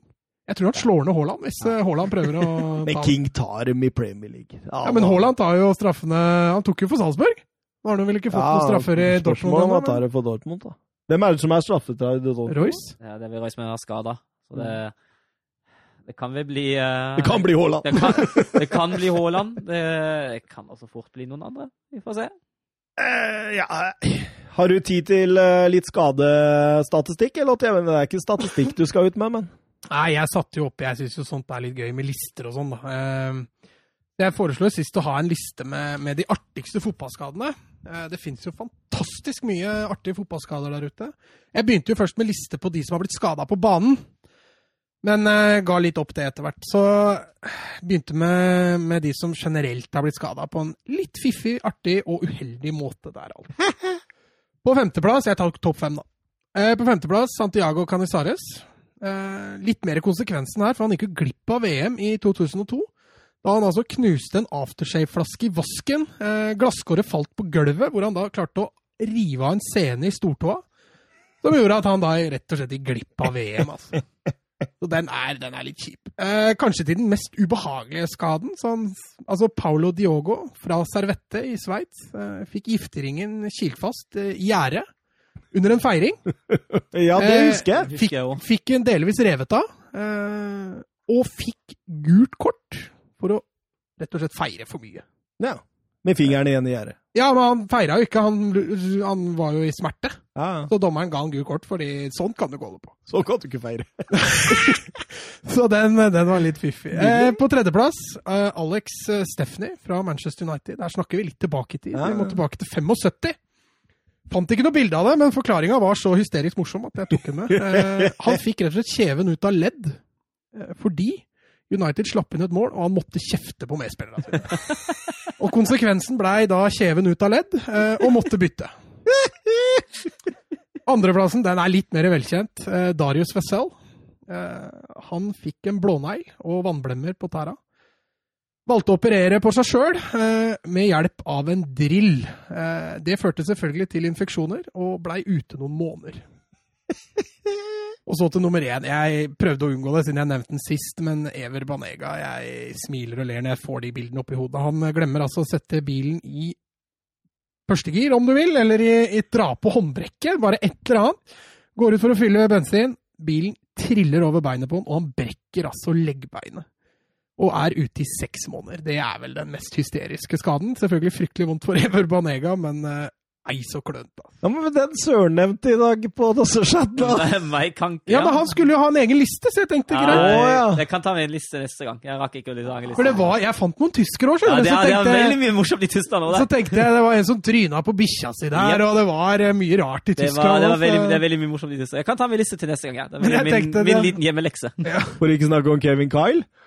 Ja, ja, jeg tenkte jo på den òg, men i og med at den også er ganske kjent. Men uh, han fikk jo kokende vann over penis av sin egen uh, Av sin egen sønn. Led eh, relativt mye sykehusopphold etter det. Kan ikke du si kokende vann over penis på tysk? Kochendes Wasser über den penis. Kochendes Wasser. Kochende Wasser. Og med de orda så sier vi adjø.